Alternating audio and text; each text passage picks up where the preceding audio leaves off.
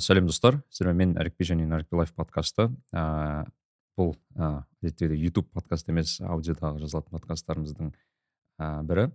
Иә ә, бұл айдарымызда біз ә, төрт, төрт адам болып жиналып ә, төрт осындай бір ә, әртүрлі мамандық иелері әртүрлі осындай өмір тәжірибесі бар адамдар ә, бір белгілі ә, бір тақырыпты таңдап және соны осы оқырмандардан ә, бағана кері байланыс арқылы осы сіздермен ә, сұрау арқылы біз ә, сол тақырыптарды ә, кейде қиын кейде кәдімгі қарапайым тақырыптарды ә, талдап ә, тырысып жатамыз. Және де басталмас бұрын таныстыра кетейін. Ә, біздің бірінші ә, хостымыз ә, ол ескендір мырза. Ескендір бестай ағамыз. Бестай ескендір аға ассалаумағалейкум. Уағалейкумассалам. Қалайсыздар? Иә ескендір мырза әрқашан бізге ең бізде ең экспириенсд адам сияқты болып көрінеді біздің қазіргі отқан ыыы былай бөлмемізде. Әңгімесі сондай тәжірибе бойынша. Жоқ сондай ғана естілемін.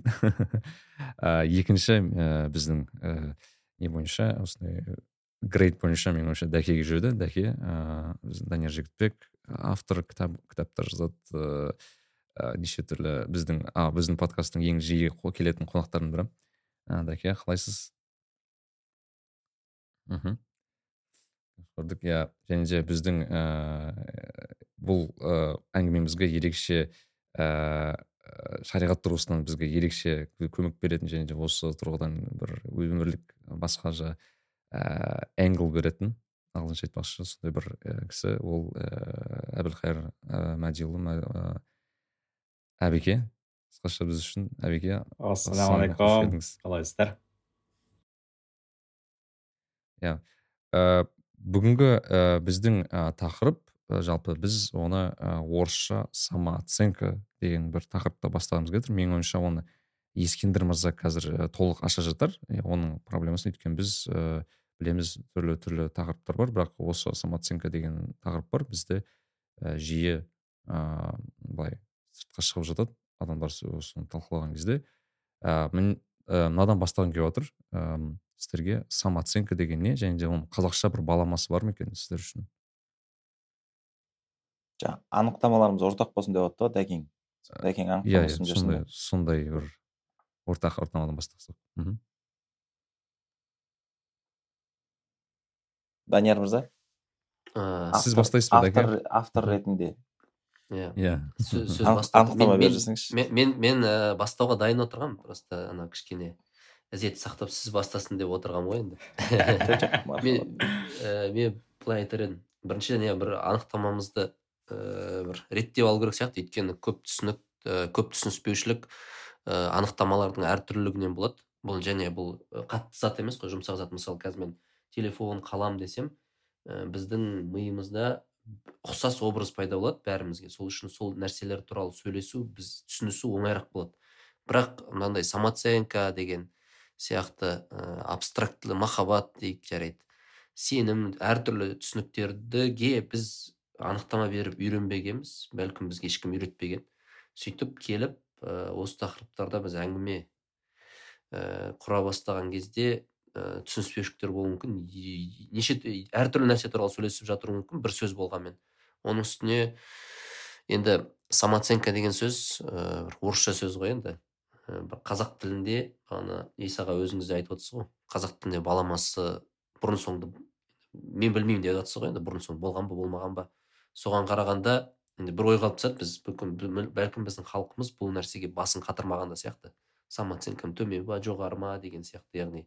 Сондай да бір ой келеді. Енді бәрібір де енді халық арасында жастар арасында осы нәрсе айтылып жүр. Білмеймін қайдан келгенін мүмкін қазір бір кездеп көреміз. Қайдан пайда болды бұл проблема? Мен кейде айтамын былай жоқ проблеманы шешпе, шешпе деп. Ә, енді енді тақырып келетін болсақ тікелей аудармасы мен былай түсінемін менің анықтамам самооценка деген бұл жерде кейбір шатастырып жатамыз мысалы. Самооценка самоуверенность өзіне деген сенімділік енді тікелей аударсақ самооценка менің түсінігімде ол өзін өзін бағалауы адамның. Өз өзіне қандай баға береді. Яғни бір іске қатысты өзін өзі қалай бағалайды. Беске біз бағалау шкалалары бар. Бір екі үш төрт бес деген сияқты. Яғни мен өзімді мынаншаға бағалаймын деген сияқты. Яғни оны жюри бағалауы мүмкін оны достары ата анасы құрбы құрдастары бағалауы мүмкін.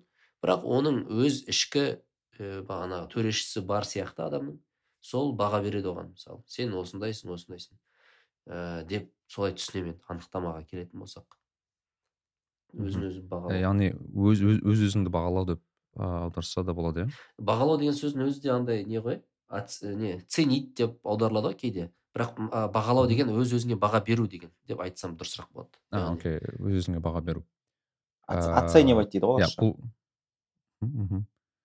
иә сонда біз ыыы айтқанда анықтамаға бір зат қоссам болады ма? Мынандай да несі бар ғой? Ана ағылшын тіліне енді солар солар бастаған сияқты осы тақырыпты менің ойымша.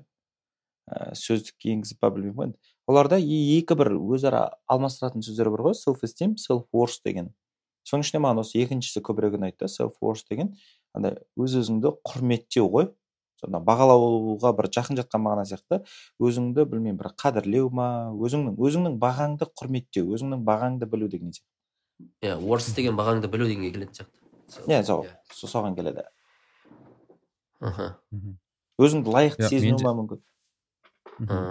Менде ә, менде ә, ескендір мырзаға сұрақ бар еді. Мысалы біз ә, осы осы терминді қазір ашып, ашып жатырмыз. Бірақ ә, практикада практикаға келетін болсақ ол қандай ә, сұрақтарға алып келеді? Мысалы айтайық қандай ә, өз мысалы самооценкаға байланысты қандай сұрақтар болады жалпы? Көп жағдайда. Жаңа бұл тақырыпты ұсынған кезде мынадан шықты да ә, біз жаңа әлеуметтік желіде өзімізше бір жаңағыдай қандай тақырып өзекті? деген мәселелерді бірнеше рет көтердік. Ә, инстаграмда да ютубта да. Сол кезде мені таңғалдырған үнемі осы тақырып енді орысша ұсындық біз сол кезде самооценка деген тақырып андай бірінші орында болды да. Әсіресе жастардың жастардың арасында. Ә, білмеймін мен өзім бір қызғанамын ана бір атамның баласы болғаннан кейін ба бұл тақырып менде болмаған сияқты ешқашан. Мен сол кезде барып ойлана бастадым да не ол самооценка деген деп ше?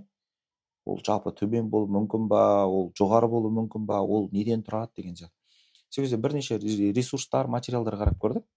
Соның ең бір ә, қонымды болғаны маған мынау болды. Ә, осы өзін өзі бағалау бірнеше компоненттерден тұрады деген мақала және бір курс болды. Соның негізінде мынандай бір дүние айтады ең бірінші компоненті ол бір қауіпсіздік. Қауіпсіздік сезімі немесе жаңағы данияр мырза айтып отқандай ә, өз өзіңе сенімді болу ғой. Бірінші компоненті. Және көп ресурстарда осыны фундамент деп береді. Дәл осы зат өзін өзі бағалаудың фундаменті деген сияқты.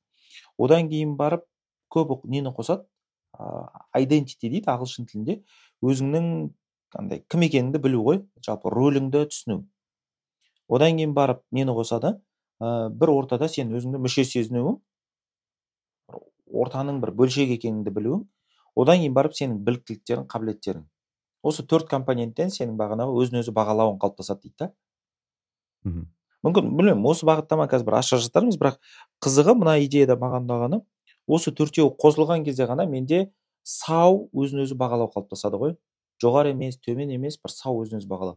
Егер осы төртеуінің біреуі не бірнешеуі жоқ болса зиянды бола бастайды да. Кемі пайдасыз бола бастайды. Мхм тағы бір қайталап өтесіз ба бірінші екінші үшінші төртінші деп тыңдармандарға бір. Біріншісі біріншісі қауіпсіздік сезімі. Ә, екіншісі ол андай бір ыыы айдентика дейді ғой рөлдің білу өзің рөліңді сезіну. Орныңды білу. иә орныңды білу тамаша. Үшіншісі өзіңді бір мүше сезіну бір ортаға бір үлкеннің заттың бөлшегі сезіну. Төртіншісі біліктіліктеріңді өзіңді қабілетті сезіну. Қабілетті сезіну. Иә байқасаңыз бәрі сезіммен тығыз байланысады ғой. Мм яғни бұл ә, бағанағы мысалы бір сайыс болса бір критерийлер болады ғой. Мынау мынау мынау критерийді орындаса бұл осындай жеңімпаз болады сайыстың деген сияқты. Бағалау бағалайды ғой жюри жюри төрешілер. Әділқазы дейміз ғой. Ә, дәл сол сияқты мына төрт нәрсеге ә, сүйеніп адам өз өзіне баға бере алады адекват. Соған келтіріп тұр ғой бұл. Иә иә. мынандай мынандай бір мысал келтіріп көрейінші. Жақында бір менторыммен сөйлестім да. Ол кісі мынау жас футболшыларды бағалаған кезде бірнеше критерий қарап бағалайды дейді да мысалы бұның болашағы бар ма жоқ па деген сияқты. Сол кезде оның жаңағы бүкіл қабілетін деп айтамыз ба істейтін әрекеттерін алаңдағын бөліп бөліп қарайды екен да. Оны түсінікті допты теп алу керек түсінікті ол доп жаңағы пас бере алу керек ыыы әріптестеріне деген сияқты сондай әрекеттерін бөліп бөліп тастаған соның ішінде мынандай бір әрекет бар екен да құлай алу керек деген. Егер мысалы жаңағы бала мықты ойнайды бірақ құлай алмайтын болса оны болашағы бар деп қарамайды да. Өйткені ол қаншай талантты мысалы допты мықты алдайтын болса да ертең құлап жарақаттанып оған салған инвестиция ақталмай қалуы мүмкін деп қарайды да. Мхм. яғни сол сияқты мына жерде қараған дұрыс сияқты. Мысалы осы төрт ә, әрекет болса мүмкін менде осы төрт сезім болса менің жаңағы өзін өзі бағалауым зиянсыз сау болатын сияқты. Иә жоғары емес мүмкін. Андай сауатты болатын сияқты да. Мхм абеке ә, сізде қалай? Сіз қалай анықтама берген болар едіңіз? Самооценка ескен аға өте жақсы анықтама берді кәдімгідей. Өйткені мен де жаңа ойланып отқан едім. Негізі біз әртүрлі бағыт бойынша бөліп бөліп қарамасақ болмайтын шығар деп өйткені мысалы самооценка деп жалпы өзін жақсы сезіну бар. Сосын отношения кезінде өзін қалай сезінетіндігі бар. Сосын жұмыс кезінде өзін қалай ұстайтындығы бар. Бәрібір де әрқайсысының бағыттары бөлек қой.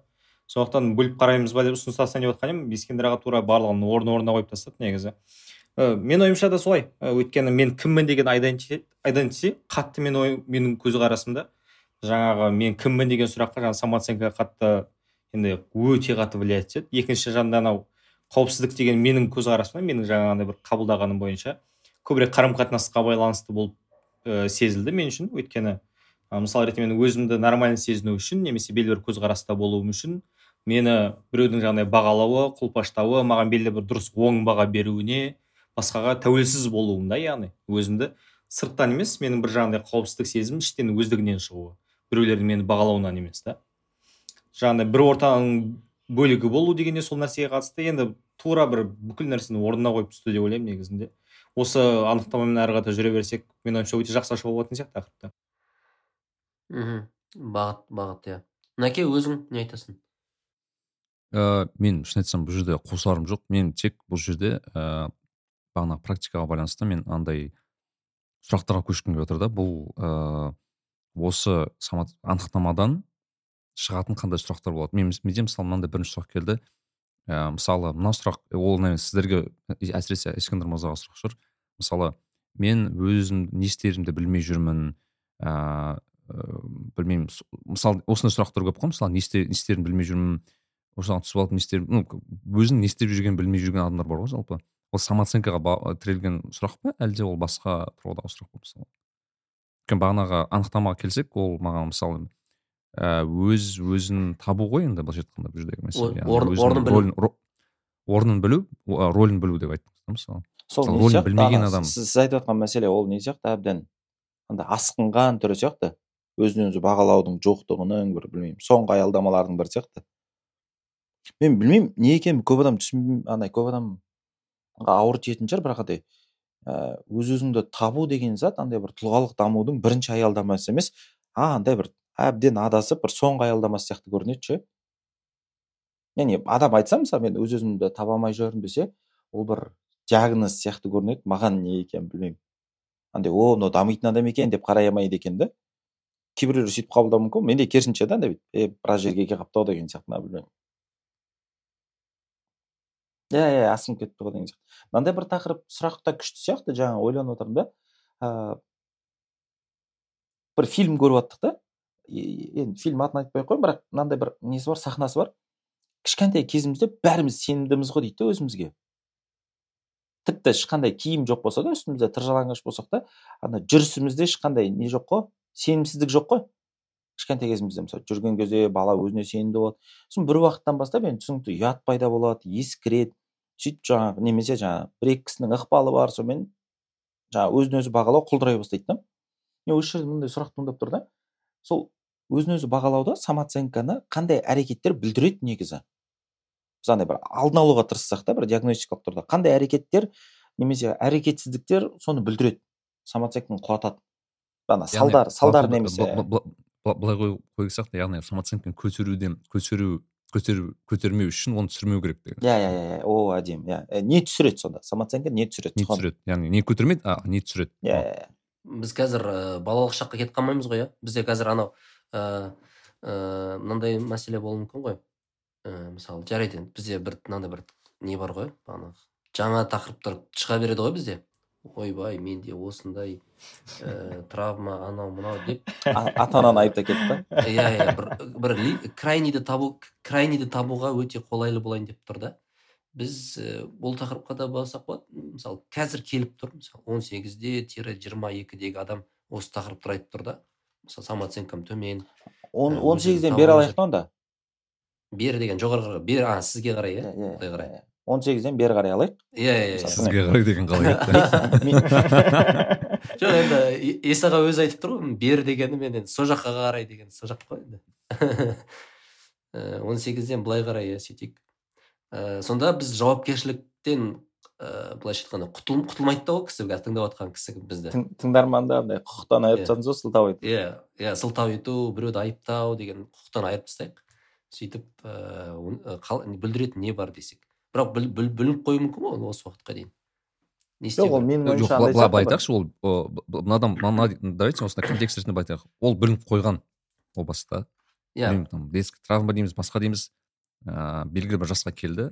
Мен он сегіз жиырма жиырма бес осындай бір жасқа келді. былай былай қарап көрейікші. Қараңыз бұл статикалық зат емес андай бір динамикалық зат ретінде қарайықшы. Мысалы сен ыыы андай мысалы жуынуды алатын болсақ енді ең тұрмыстық мысал сен жуынбасаң кір болып кетесің ғой.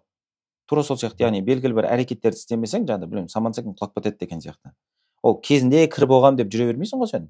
Мысалы кезінде кір болған болсаң да кір болмаған болсаң да яғни өткен шақ қандай болса да қазір жуынбасаң сен кір боласың мхм. Иә яғни қандай білмеймін иман сияқты қараса да болатын шығар бұған. Яғни қандай әрекеттер я әрекетсіздіктер біздің самооценкамызды түсіреді.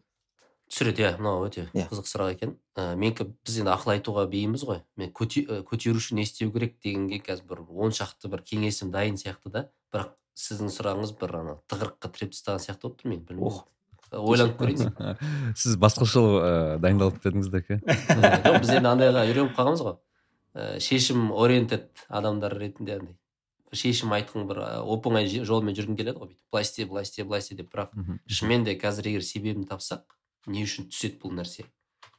Ыыы онда оңайырақ иә менде мынандай ой келеді да мен білмеймін ол жағын әбеке қазір дұрысырақ түсіндірер бірақ менде шын айтқанда бұл сұраққа қалай кірсем де руханият арқылы кіремін да білмеймін қалай қалай тырыссам да.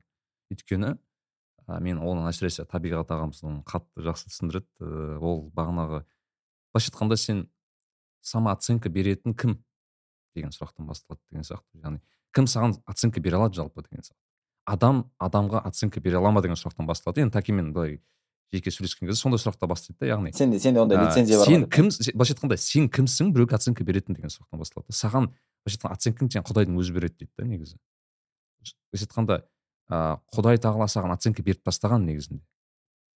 Сен оны түсіріп жатсың дегенде. Сондай айттым да. Яғни менің ойымша бағана рөлдерге байланысты. Мысалы енді бұл біздің менің ойымша тыңдарман біздің құндылықтарға келетін кісілер тыңдап жатыр. Яғни менің ойымша ең басты бір принцип мен, менің жеке принципім ол ә, сен бір құдайдың құлысың. былайша айтқанда и былайша айтқанда алла тағала сені жайдан жай жаратпады деген бір ойдың өзі бір самооценкаға бір не береді да е мен жай жаратылмадым ғой деген секілді бір бар ғой бір соның өзін білу керек болып тұр ғой бұл жерде. Соның осын сезіну керек деп ойлаймын. Оны, оны былай алсақ қалай болады? Ыыы тиісті мысалға діни сауаттың болмауы самооценканы түсіреді. Иә ол яғни мысалы құдайдың мен туралы не айтқандығы құдайдың білмеймін маған берген бағасын мен білмесем ол маған әсер етпейді ғой. А иә мен ең керемет жаратылыс екенін мысалы жазылғанын білмесем мен оны оқымаған болатын болсам. Иә иә осы жерде мынандай мәселе шығады ғой. Бәлкім біз бағана айтып жатырмыз ғой. Бұл орыста бар ағылшын тілінде бар. Қазақ тілінде таппадық қой енді былай. Кейін аударып алдық қой. Бәлкім біздің мысалы әбеке өзіңіз айтыңызшы араб тілінде бар ма осындай нәрсе? Самооценка деген сияқты. То есть мынау біз қазір шынымен де лицензиямыздан айырылайын деп тұрмыз ғой өз өзімізді бағалау деген. Ыыы былай қарасақ бәлкім араб тілінде бұл бұған ұқсас түсінік жоқ шығар. Шынымен де біз онда өмір жеңілдейді ғой. Ақыры біз өз өзімізге баға беру құқығынан айырылсақ және бізге авторитет баға беруші жаратушының қалай баға бергенін тауып алсақ ыыы онда оңайырақ болайын деп тұр ғой мәселе. бір ауыр жүк түсетін сияқты ғой. Қалай ойлайсыз? Әбеке сіз бар ма? Араб тілінде түрік тілінде не бар өзі? Иә мен ыыы сәл басқаша пікір айтсам ыыы ешкімді ренжітпейтін шығармын деп үміттенемін. Негізінде біз шариғат жайында сөйлеген кезде ыыы құран сүннеттен шыға сөйлегеніміз жақсы ше. Жаңағындай бір ә, философиялық ойлар басқалар ә, енді мен түсінемін бүкіл нәрсені бірақ дегенмен де мысалы ретінде егер де құран кәрімде ол нәрсе айтылмады ма хадисте ол нәрсе айтылмады ма мысалы ретінде ғалымдар тарапынан айтылмады ма? бір ыыы дінді қиындата берудің де бір жағынан немесе тым қатты жеңілдетіп жіберудің немесе одағы жоқ нәрсені айтудың да бір қатты қажеттілігі жоқ сияқты мысалы ретінде айталық. Самооценкаға байланысты ә, екі түрлі шектен шығу бар. Біреу тәкаппур деп аталынады біреу тазаллюл деп аталынады. Тәкаппур деген сөз сен өзіңді салыстырмалы түрде біреумен қарым қатынас мәселесіне келген уақытта артық деп санау. Мен мысалы ретінде бір, бір кісіден артықпын например условно говоря жаңағы мысал ретінде ең классический жағдай шайтан мысал ретінде айтады ә, мен ә, адамнан артықпын дейді мысал ретінде. Не үшін? О баста жаратылысым менің бөлек деп айтады. Я болмаса тот же самый расизм мысалы ретінде. Арабтар ә, араб еместен айырмашылық жоқ қараның ақтан айырмашылығы жоқ деп пайғамбар саллаллаху мысалы ретінде бір бірінен артық санауға болмайтындығын айтады да. И екінші шектен шығу бар. Біреу өзіңді төмен санап кету біреуден жаңағыдай кем көру мысал ретінде мен пәленшеден ә, кеммін өйткені менде ақшам аз немесе басқа деген сияқты. Ә, алла тағала біздің өзіміздің самооценканы егер де былай адам тұрғысынан қараған уақытта бүкіл адамдар тең ретінде қойған. И соған сәйкес әдеп ақлақ ілімінде әрқайсысының орны бекітіледі. Мысал ретінде условно говоря тәкаппар адамның алдына келген уақытта кішіпейілдік деген тәкаппарлық таныту. Мысал ретінде бір кісі тәкаппарлық танытып тұрған болатын болса маған менің кішіпейілдігім ол жердегі танытуым керек көркем мінезім тура сол кісімен бір деңгейде болу мысалы ретінде бір кісі условно говоря өте бір бай не басқа өзі бүйтіп ұстап тұрған болатын болса мен жаңағыдай оның алдында барып кішірейетін болсам әрі қарата бұл жаңағыдай бір кішіпейілдік болып есептелінбейді. Керісінше жаңағыдай сен оған жаңағы грубить ету немесе қатты кету өзіңді одан артық қою емес. Керісінше одан жаңағыдай истиғна деп айтады. Бізде одан бір ә, независимый сезіну. Ол нәрсеге бір ә, жол бермеу былайша айтқан кезде. Одан артық та көрмеу өзінің кем де көрмеу но и жаңағыдай провокацияға да еріп кетпеу да. Яғни осылайдан әдеп ақлақ ілімінде әр жаңағыдай моментте әртүрлі адамдармен әртүрлі контекстте әртүрлі ситуацияда өзін қалай ұстау керек екендігі практикада осылай көрініс табады. Жүрек тұрғысынан алған кезде бағанағы екі, шектен шығу бар. Тәзәллүл бар бір өзіңді біреуден кем көру және тәкаппур бар. Сәйкесінше сен адамдармен барлығына барлығымен өзіңді тең көруің керек. Тек қана белгілі бір ситуациялар бар. Ол жерде сен кішіреуіңе болатын. Мысалы ретінде білім алатын уақытта ата ананың алдында ә, немесе осы сияқты ситуацияларда. Мысалы ретінде пайғамбар саллаллаху алейhi жаңағыдай алланың сөзінің алдында деген сияқты. Ә, былай айтса бола ма? Ой айта беріңіз жоқ мен просто айтқым келгені мысалы айтайық онда діннің мысалы ислам тұрғысында мысалы ең самооценкасы мықты болған мықты дегенде тым ең артық болған мысалы ферғауын ол самооценкасы өте жоғары адам болған ғой яғни былай қарасаң. Жоқ шын ғой енді былай қарасаң. Шеттен иә. шыққан адамның ең. Иә. рекордсмені онда ферғауын болды ғой енді былайша айтқанда ол деңгейге шығады. Аха. Ну просто менде сондай бір ассоциация жүр да яғни мысалы сен бағанағы кімді артық кімді тең талады мендегі абеке өте жақсы тақырыпты қазір қозғады да мен ол туралы ол, ол тұрғыда ойламаппын ол салыстыру тақырыбы да. Яғни мысалы біз қазір мына бастадық қой не құртады? Вот жүз пайыз оның ішінде салыстыру бар менің ойымша. Өйткені салыстыру ә, біреумен мысалы мынау артық мынау кем деп салыстыру ол бір ең басты бір ә, не сияқты киллер дейді ғой осы самооценканы өлтіретін бірден бір у былайша айтқанда осы өйткені мен қай жаста болса айтып отырмын қандай жаста болсын. Өйткені мен өзім осыдан қатты таяқ жегенмін өмірімде. Шыны керек. Ә, себебі мен мысалы мектепте мысалы салыстыратынымды мысалы менде білесіздер ма қашан басталды? Мен енді тыңдарман ол туралы жиі айтады. Мысалы мен өз басым ұзақ уақыт өнерде болдым да. Ыыы шамамен бір жетінші сыныпқа дейін тек өнерде болған баламын да. Кейін ііі былайша айтқанда физматематикаға ауысқан кезде мен самооценкам резко қатты удар алдым да. Ыыы өйткені ыыы салыстыру құндылықтар өзгеріп кетті да бірден. Уже өйткені сенің өнерің емес бағанағы білім керек деген сияқты тағы басқа. Сол кезде самооценкама бірінші удар сол жерде болды да. И удар болудың себебі мен салыстыратынмын қатты өзімді. Ыыы яғни мысалы е мынау біледі мен білмеймін анау біледі мен білмеймін мен не білемін сонда? деген мен кіммін жалпы осы? И мектеп кезіндегі ойлар ғой бірақ шынымен кейін ол мысалы университетте де болды менде. Мысалы айтайық мен бір жігіт там бір там бір нәрсе істеді мен істей алмадым деген сондай бір қатты удар болатын. И білмеймін ол бағанағы кейін өте келе ғана түсіндім да мен мен кіммін олар кім? Мен бөлек жаратылыспын бұл бөлек жаратылыс деген сияқты сөйтіп е мен олармен салыстырып жүрмін деген андай бір уже есейген уақытта түсіне бастадым да. И как бы бірден бір осы тақырып таңдалған себебі де осы да өйткені шынымен көп адам осыда осыда шалынады негізі менің ойымша. Әлеуметтік желі сияқты дүниелер керісінше қоздырады ғой салыстыруды. Иә иә жүз пайыз әсіресе мысалы әлеуметтік желіге кірдің сенің ойыңша мектепте сенен нашар оқыған сыныптасың қазір жақсырақ тұрып жатса мысалы шетелде жүрсе. Қиналып енді мынандай бір нені бір мысал айтып берейінші енді осы салыстыру ғой жаңағы самооценкаға түсіретін. Ә, әбекең менің ойымша осыны бір жаңағы діни жағынан бір негіздеп берер. Ә, мынандай бір оқиға болды. Біз жаңадан үйлендік отбасы құрдық. Сосын қонаққа шақырды бізді. Жер үйге. Енді анау әдемі салынған тиянақты жинақы салынған. Барған кезде ыыы андай нәпсің әсер етеді ғой. Сен өзің тұрып жатқан үйіңмен ана үйді салыстырасың да эх дейсің ғой. Мен мысалы білмеймін ана жерде қанша басу айтса да қандай бір сөздер айтса да өтпейін деп тұрған сияқты да. Енді жеке тәжірибемде сол кезде. Сен бәрібір ана үйге қызығасың мә неге мен осындай үйде тұрып жатқан жоқпын деген сияқты жаңағы. Өзін өзі бағалау самооценка құлдырайды да ақырындап. Енді құлдырамаса да шытынайды ғой иә бір дақ түседі. Сөйтіп ана үйдің иесінің сауаттылығы дейміз ба? Сол үйден шығып бара жатқан кезде біздің менің қолыма жеке пакет ұстады да ұстатты. Бір өтініш бар. Осындай осындай мекенжайға осы пакет жеткізіп бере қойыңызшы деді. Нөмірін берді. Сосын менің үй жағымда тұрады екен да ол кісі. Сосын келдік. Жаңағы нөмірге хабарласа қойып едім. Әй осындай осындай пәтер көтеріле қойыңыз деді екінші қабат екен. Сосын мен ана үйге кірдім кәдімгі пәтер андай ескі салынған үйлер ғой алматыдағы. Ағаш ағаш баспалдақ сонымен көтерілдім ана жерге. Анау еденнің бәрі сықырлап жатыр. Сөйтіп жаңағы есікті ашып ана кісі пакетін бере қойын деп ей қуыс үйден құр шықпа жүр кір деп шай ішіп шық жаңағы ауыз тиіп шық деп сөйтіп кіріп дастарханнан ауыз тиіп. Енді ана үйдің былайша айтқан кезде жағдайын көріп қайттым да мен. Ана білмеймін мен үшін не болды ғой? Үйге келген кезде шүкір еттім ғой мен. Машалла сондай бір жаңағы сіздің анау үйден шыққан кезде пакет беріп жүрген кісінің енді даналығы ғой негізінде ше? Адамды бір кішкене көңілін орнына түсіру ғой иә? Субханалла осындай кісі арамызда жүр таразын таразын теңестіріп берген сияқты ма? Жоқ мен айтып келе жатқан анау салыстырудың өзінің бір қағидалары бар ғой. Салыстырмай жүре алмайтын сияқты адам. Yeah. ақыры салыстырасың ба онда былай салыстыр деген сияқты ше. Ана кісі бірнеше пакет дайындап қойған сияқты ғой үйінде. Сіз сияқты адамдар келген сайын беріп отырады. қызығы дәке мен соны кейін сұрадым ғой басқа жігіттерден ше есіме түсіп осыны бір бірнеше жылдан кейін жетті ғой маған анау әдейі жасалғандығы ше. Сөйтіп сол кезде бірге болған жігіттерге хабарлассам бәрі пакетпен шыққан ғой. Иә раб иә раб яғни ә, мүмкін ә, салыстыруды біз себеп деп көріп жатырмыз бәлкім салыстыру салдар шығар. Адам не үшін салыстырады? Бірақ сіз айтты сіздің сөзіңізге сенсек адам салыстыра алмай тұра алмайды деп тұрсыз да? Иә ол біздің неміз ғой. Андай енді мысалы мағжан жұмабаев бойынша айтатын болсақ педагогикадағы ол біздің әлемді қабылдаудағы бірден бір құралымыз да.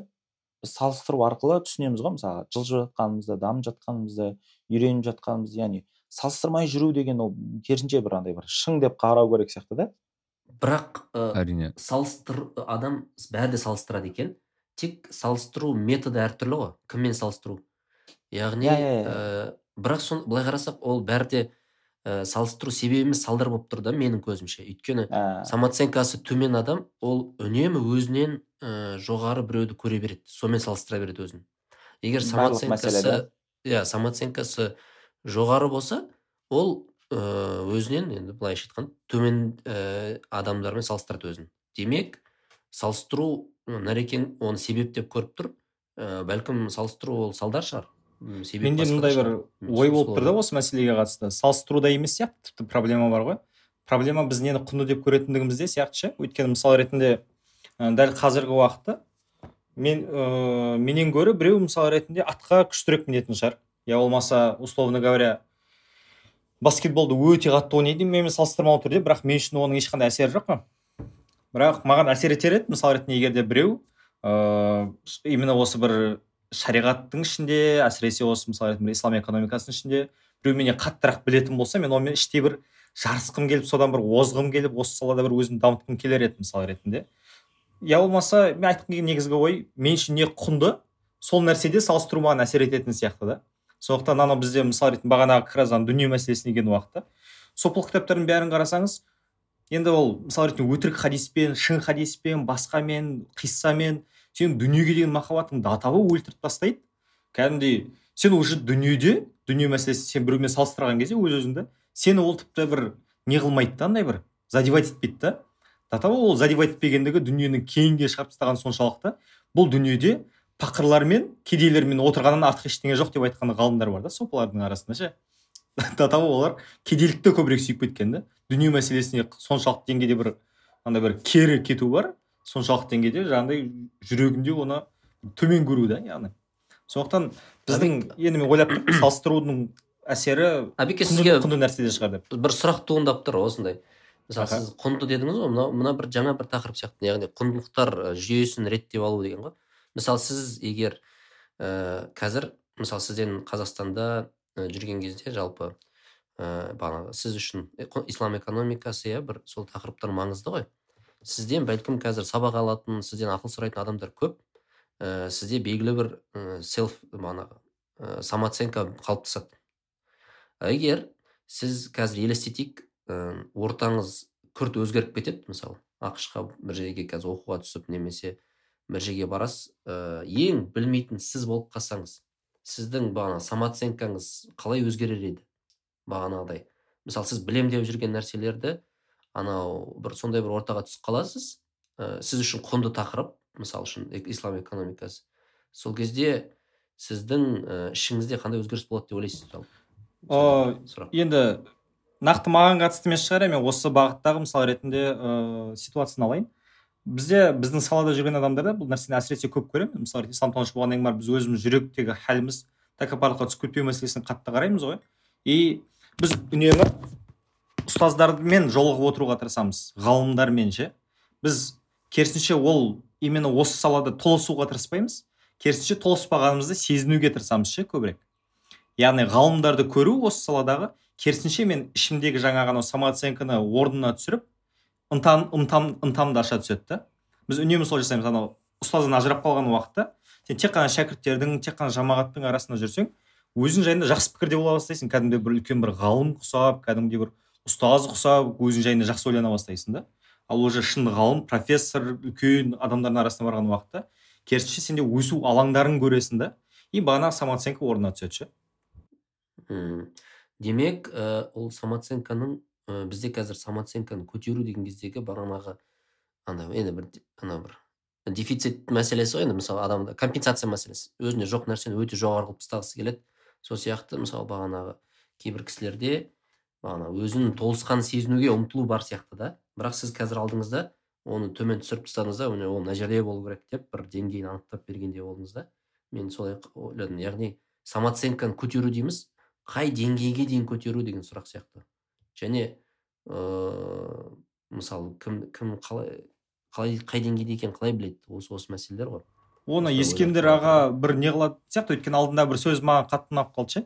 Біз травмасыз баланы тәрбиелей алмаймыз керісінше травмалар бізді қалыптастырады деген ше. Яғни мысал ретінде ислам тарихында да қарасаң көп ғалымдардың белгілі бір ғылымның ішінде үлкен жетістікке жетуі кезінде сондай бір травмадан басталған да бір көпшіліктің алдында бір сөйлеген уақытта біреу оны жоққа шығарып тастаған сөзін сындырып тастаған.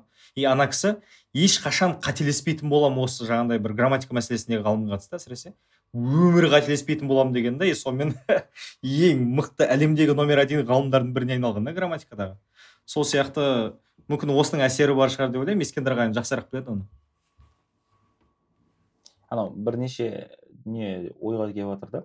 Бағана осы самооценка өзін өзі бағалау тақырыбында курстар қараған кезде ә, бір кісінің мынандай пікірі болып бір сарапшы ғой қателеспесем мәскеу мемлекеттік университетінің сарапшысы. Ол бүйтіп айтады өзін өзі бағалау самооценка негізі жоқ дейді.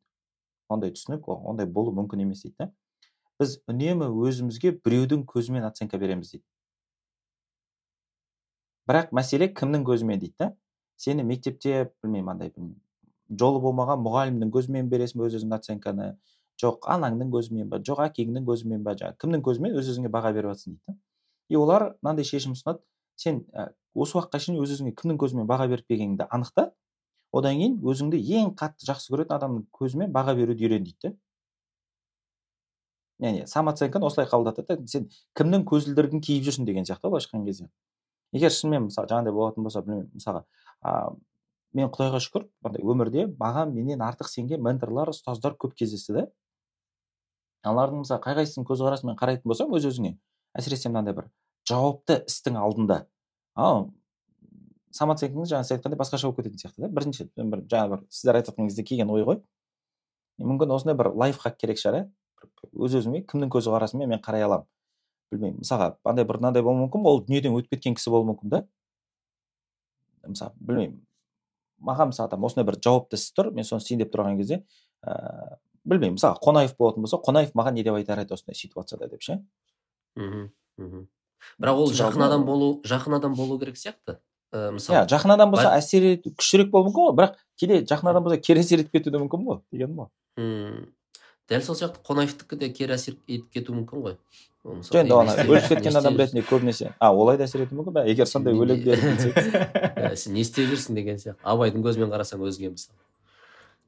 Осы нәрсені мен иә тым қатты сіз сіз сияқты атасы мен апасының балаларында самооценка жоғары. Өйткені яғни сіз өзіңізге солардың көзімен қарайсыз ғой. Мысалы ата анаға қарағанда ата әже бәрі басқаша бағалайды ғой бөлек леп леп береді ғой олар. Иә иә сол сол тұрғыдан алғанда мынау бір жаңа бір көзқарас қызық екен. Ііі бір кімнің көзімен қарап тұрсың деген өз өзіңе. Иә мына тағы бір екі бір, бір екі ой қосылайыншы мүмкін сонымен басқа бір сұраққа ауысып көрерміз. Ыыы самооценка не түсіреді деген кезде мынандай бір ой келді. Бағана басында талқыладық қой біз. Неге қазақта бұл сөздің бір дені дұрыс анықтамасы немесе осыны білдіретін бір сөз жоқ? Өзін өзі бағалау деп білмеймін бір андай. Үш сөз қылып па екі сөз қылып па құрастырып алғанбыз да сосын ой болдық қой мысалы. Бізде мүмкін бұл құбылыс болмаған шығар. Мүмкін біз жаңағыдай бұған көңіл бөлмеген шығармыз деп. Сол кезде жаңағы дәкен сіз айтып мынандай ой келді да ыыы атқа мінсек білмеймін. Мен мен жеке өзім байқамаған бұл қазір гипотеза деп қабылдаңыздар. Атқа мінген адамның самооценкасы төмен болмайтын сияқты. Білмеймін бір атқа мінген кезде аттың үстіне отырған кезде аттан түскен кезде мүмкін біз сол атқа мінбей кеткеннен кейін самооценка түсіп кеткен шығар деген ой келді де атқа мінбеу дегеніміз бұл жерде мынандай бір ыыы андай тамырдан алыстау деген сияқты теңеу ғой. Аттан түскенде самооценкамыз да түсті деген сияқты ма? Иә иә иә мүмкін. Сондай мағынада. Бір, бір ой келді сосын тағы бір ой келді. Енді самооценкаға қатысты мүмкін жеке өзімнің тәжірибем шығар. Самооценка не түсіреді деген кезде андай сияқты. Өтірік сияқты. Андай өтірік қалай айтсам екен? Өз өзіңе айтылатын өтірік ше? Сен біліп тұрсың оның өтірік екенін андай физиологиялық тұрғыда әлсірейсің ғой негізі өтірік айтқан кезде. Бірақ тура сол сияқты бір білмеймін бір. Сен өтірік айтқан сайын өз өзіңді әлсіретіп жаңағы өз өзіңді салыстырып құрдымға кете беретін сияқтысың да. Осындай бірнеше жан ойларды төгіп тастадым. В чем сила в правде дейсіз ғой иә өте күшті ой айтылып жатыр негізінде. Иә жаңа в чем сила деген кезде в правде деп жатқанмын ғой жалпы. Анау жаңағы не нәрсе нені түсіреді дегенге байланысты самооценканы мындай бір қызық не бар? Анау енді ескендір аға жақсы білуіңіз керек. Adult development деген бар ғой анау. Қазір пән ретінде қойылды ғой гарвардта. Ересек адамның жаңағы даму сатылары бар ғой. Мысалы ретінде ана бір баланың жаңағыдай сәби не жасөспірім жас ересек. И ересектен әрі қарата барлығы как будто бір сияқты қабылдаймыз ғой біз былайша айтқан кезде. Просто бір кезең сияқты ше. На самом деле оның өзі де кезеңдерден тұрады ғой. И осыны роберт киган over our heads деген бір кітабы бар. Сол жақта осы теманы қызық ашады ше. Біз қазақта оны мүшел жас дейміз. Ол ол кісілерде ол просто бір переходный период деп аталынады былайша айтқан кезде ше. Мысалы ретінде белді бір жасқа келген кезде бұрынғы мақсаттары ол үшін құндылығын жоғалтады да. Бір моментке келген кезде. И бүкіл құндылықтары оған үшін құндылығын жоғалтады бүкіл мақсаттары құндылығын жоғалтады. Яғни бұрынғы мақсаттары нелері қызық емес бола бастайды да оған.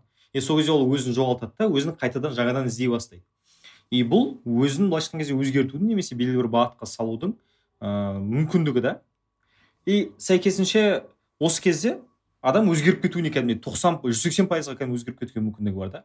И сол үшін мысалы ретінде мүшел жас келе жатқан уақытта адам бір бұзық жаққа қарай нашар жаққа қарата бір ә, құлап кетпеу үшін былайша айтқан кезде сырғанап кетпеу үшін адам алдын ала жаңағыдай бір бізде бір жаңағыдай қой сойып бәленің бетін қайтарып деген сияқты бір садақа беріп сөйтетін сияқты да.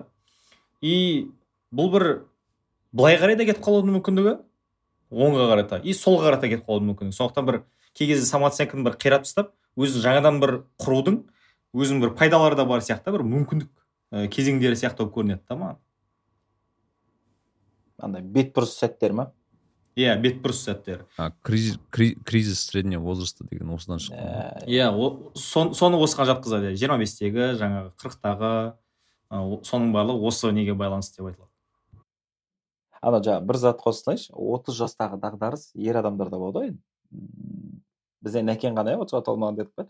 Содан мынандай болады екен енді бір бір бір ғалымдардың пайымы ғой. Ә, экзистенционалды дағдарыс дейді жаңағы кризис яғни өмір сүруге қатысты. Бұл бізде код ретінде қалып қойған дейді да бойымызда. Бұрынғы заманда өмір сүрген еркектер ол шамамен отыз жаста қайтыс болып кеткен. Өйткені соғыс бар басқа бар олардың тірі қалу ықтималдығы өте төмен болған. Сол бізде анау ақпарат қалып қойған дейді да сен отыздан кейін өмір сүріп жатрсың қай бетіңмен өмір сүріп жатрсың деген сияқты сен отыздан кейін өмір сүретіндей сен кімсің сен сонда деген сияқты. Бұл да бір андай ұрпақ аралық салыстыру сияқты да. Ол мысалы қазір қанша жыл өтсе де сен әлі білмеймін ана генетикалық деңгейде өзіңді ана салыстырып әй мен отызға дейін дым тындырмадым орда бұзбадым деп ше? Мен осы тақырыппен бағана самооценка тақырыбы арасында мынандай байланыс көріп тұрмын. Өз орнын табу деген сияқты. Адам өз орнын таппағандықтан сондай дағдарысқа ұшырайды анау кетігін таптап арқаланады яғни самооценкасы да сол үшін төмендейтін сияқты орнын таппағаны. Бағана төрт критерий айттыңыз ғой бағалаудың.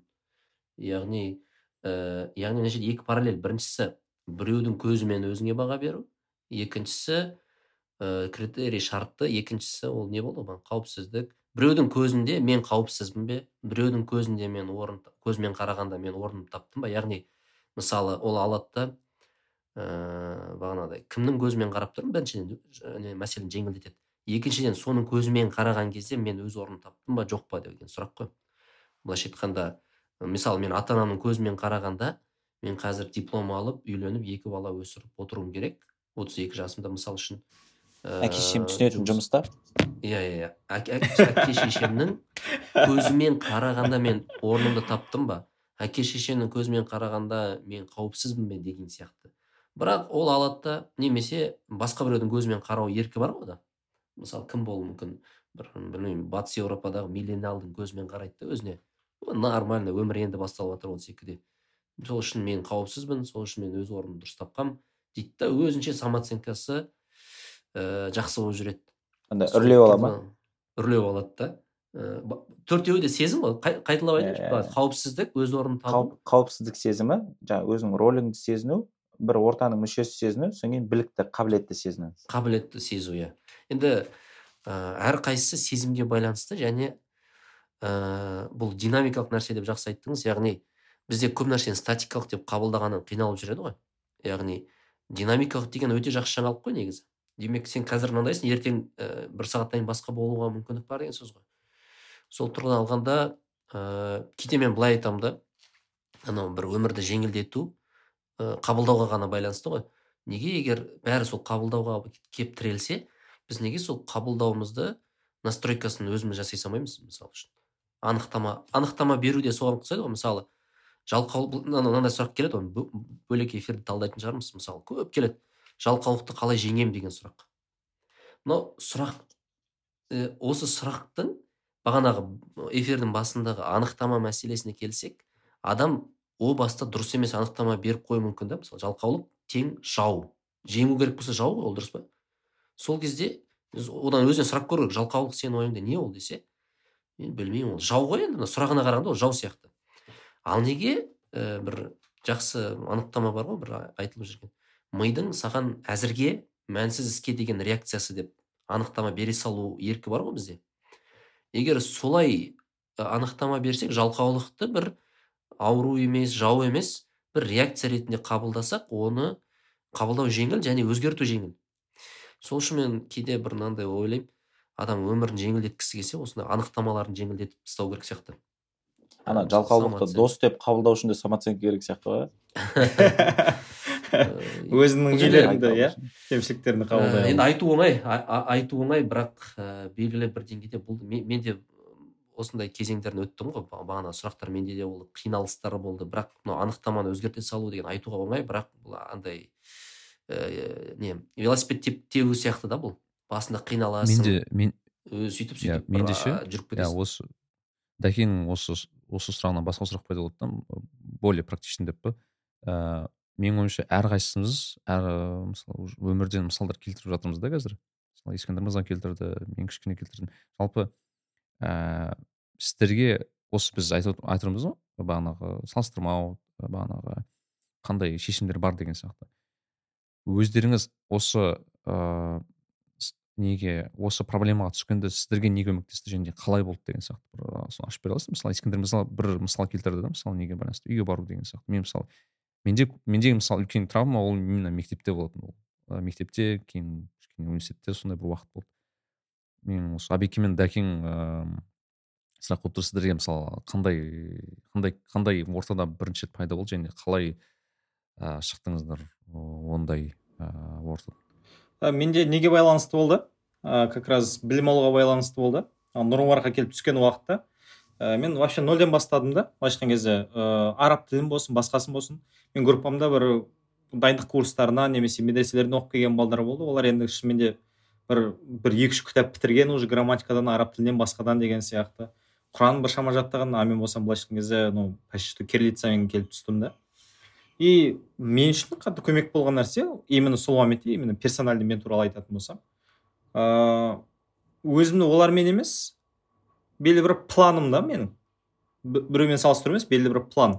Менің акцентім сода болды яғни ә, белгілі бір жоспар қойдым. Өзім фокустарымды бекіттім. И солар бойынша просто жүріп кете бердім да. Біреумен салыстырмастан өзімді. Өйткені менде белгілі бір мақсат болды. Шариғатта бұл нәрсе қызық самооценкамыз біздің. Қоғамдағы статустан ә, жасап жүрген іс әрекеттерімізден нәтижелерден барлығынан ажыратылады ше самооценка. То есть мысал ретінде сен іс амалдарыңмен жәннатқа кіре алмайсың. Я болмаса сен жақсы іс амал жасап жүргендігің сен до конца мысалы ретінде біреуден артық екеніңді білдірмейді. Мысалы ретінде условно говоря мен бір тахаджуд оқитын болсам бес уақыттан бөлек тағы да тахаджуд оқитын болсам сіз оқымайтын болсаңыз мен сізден өзімді артық деп есептей алмаймын. Шариғат рұқсат етпейді ол нәрсеге. То есть қоғамның мені бағалауы менің өзімді бағалауым немесе басқа нәрселердің ешқайсысы да ыыы яғни сенің кім екеніңді анықтамайды бәрібір іс әрекеттерің де статуста. Сол үшін ыыы бұл нәрсе қатты көмек сияқты менің ойымша. Біз жай ғана алланың алдында бәрібір де бірміз ақыр түбінде мысалы ретінде жәннатқа тозаққа немесе басқа жаққа баруымыз немесе біздің қаншалықты деңгейде алай селф ворс екендігіміз алла тұрғысынан анықталады да бәрібір де.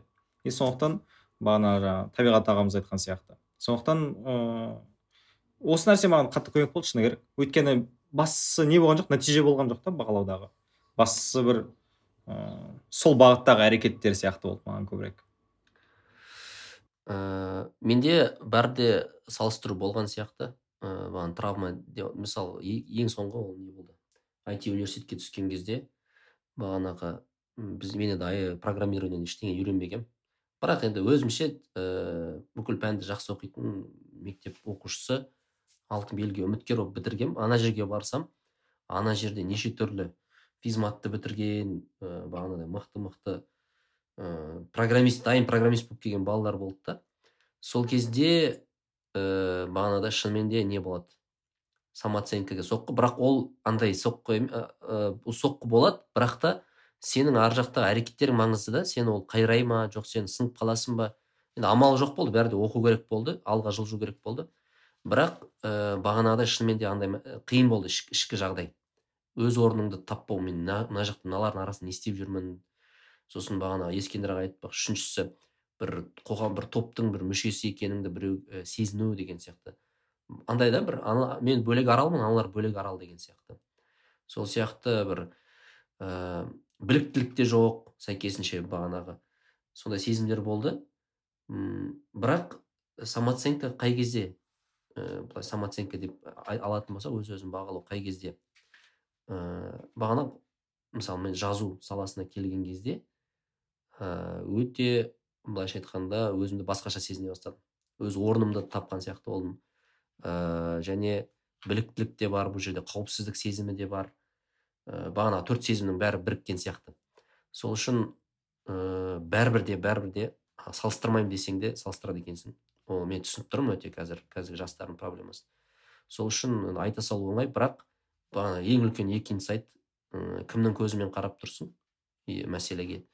Және ә, енді өз орныңды бағана өз өзімді таба алмай жүрмін деген сөздің негізі басқаша ә, баламасы мен өз орнымды таба алмай жүрмін деген дұрысырақ шығар әйтпесе біліктілікті өзімді жоғалта алдым деген өзін жоғалту мүмкін емес қой енді өзімен өзге жүресің. Бірақ орнымды таппай жатырмын деген сөз ғой былайша айтқанда.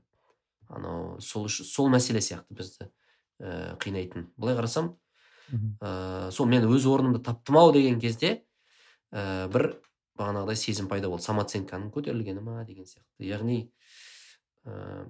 орын орын табу мысалы тойға келген кезде де орын таппай тұрсаң біртүрлі сезім болады ғой мысалы қайда отырамын деген сияқты мына жерде. А егер ана жерде есік алдына кірген кезде осындай он үшінші стол деп тұрса атың жазылып тұрса бір қауіпсіздік сезімі болады да кешігіп келсең де қорықпайсың деген сияқты. Бірақ ә, бізде сол ол орын тағы бос болса иә? иә орын бос, бос қой енді әдетте. Бірақ кейде бос болмай қалады иә кешігіп барсаң қонақтар көп келсе. Сол үшін ә, сол үшін ә, өз орнын таба алмау деген нәрсе сияқты осы. Мынандай бір лайфхак қоссақ бола ма? Сіздің айтқан мысалыңыздан есіме түсіп кетті да? Жаңағы университетке түскен кездегі сәтіңіз бар ғой енді бұл андай лайфхак бұл андай кеңес қой.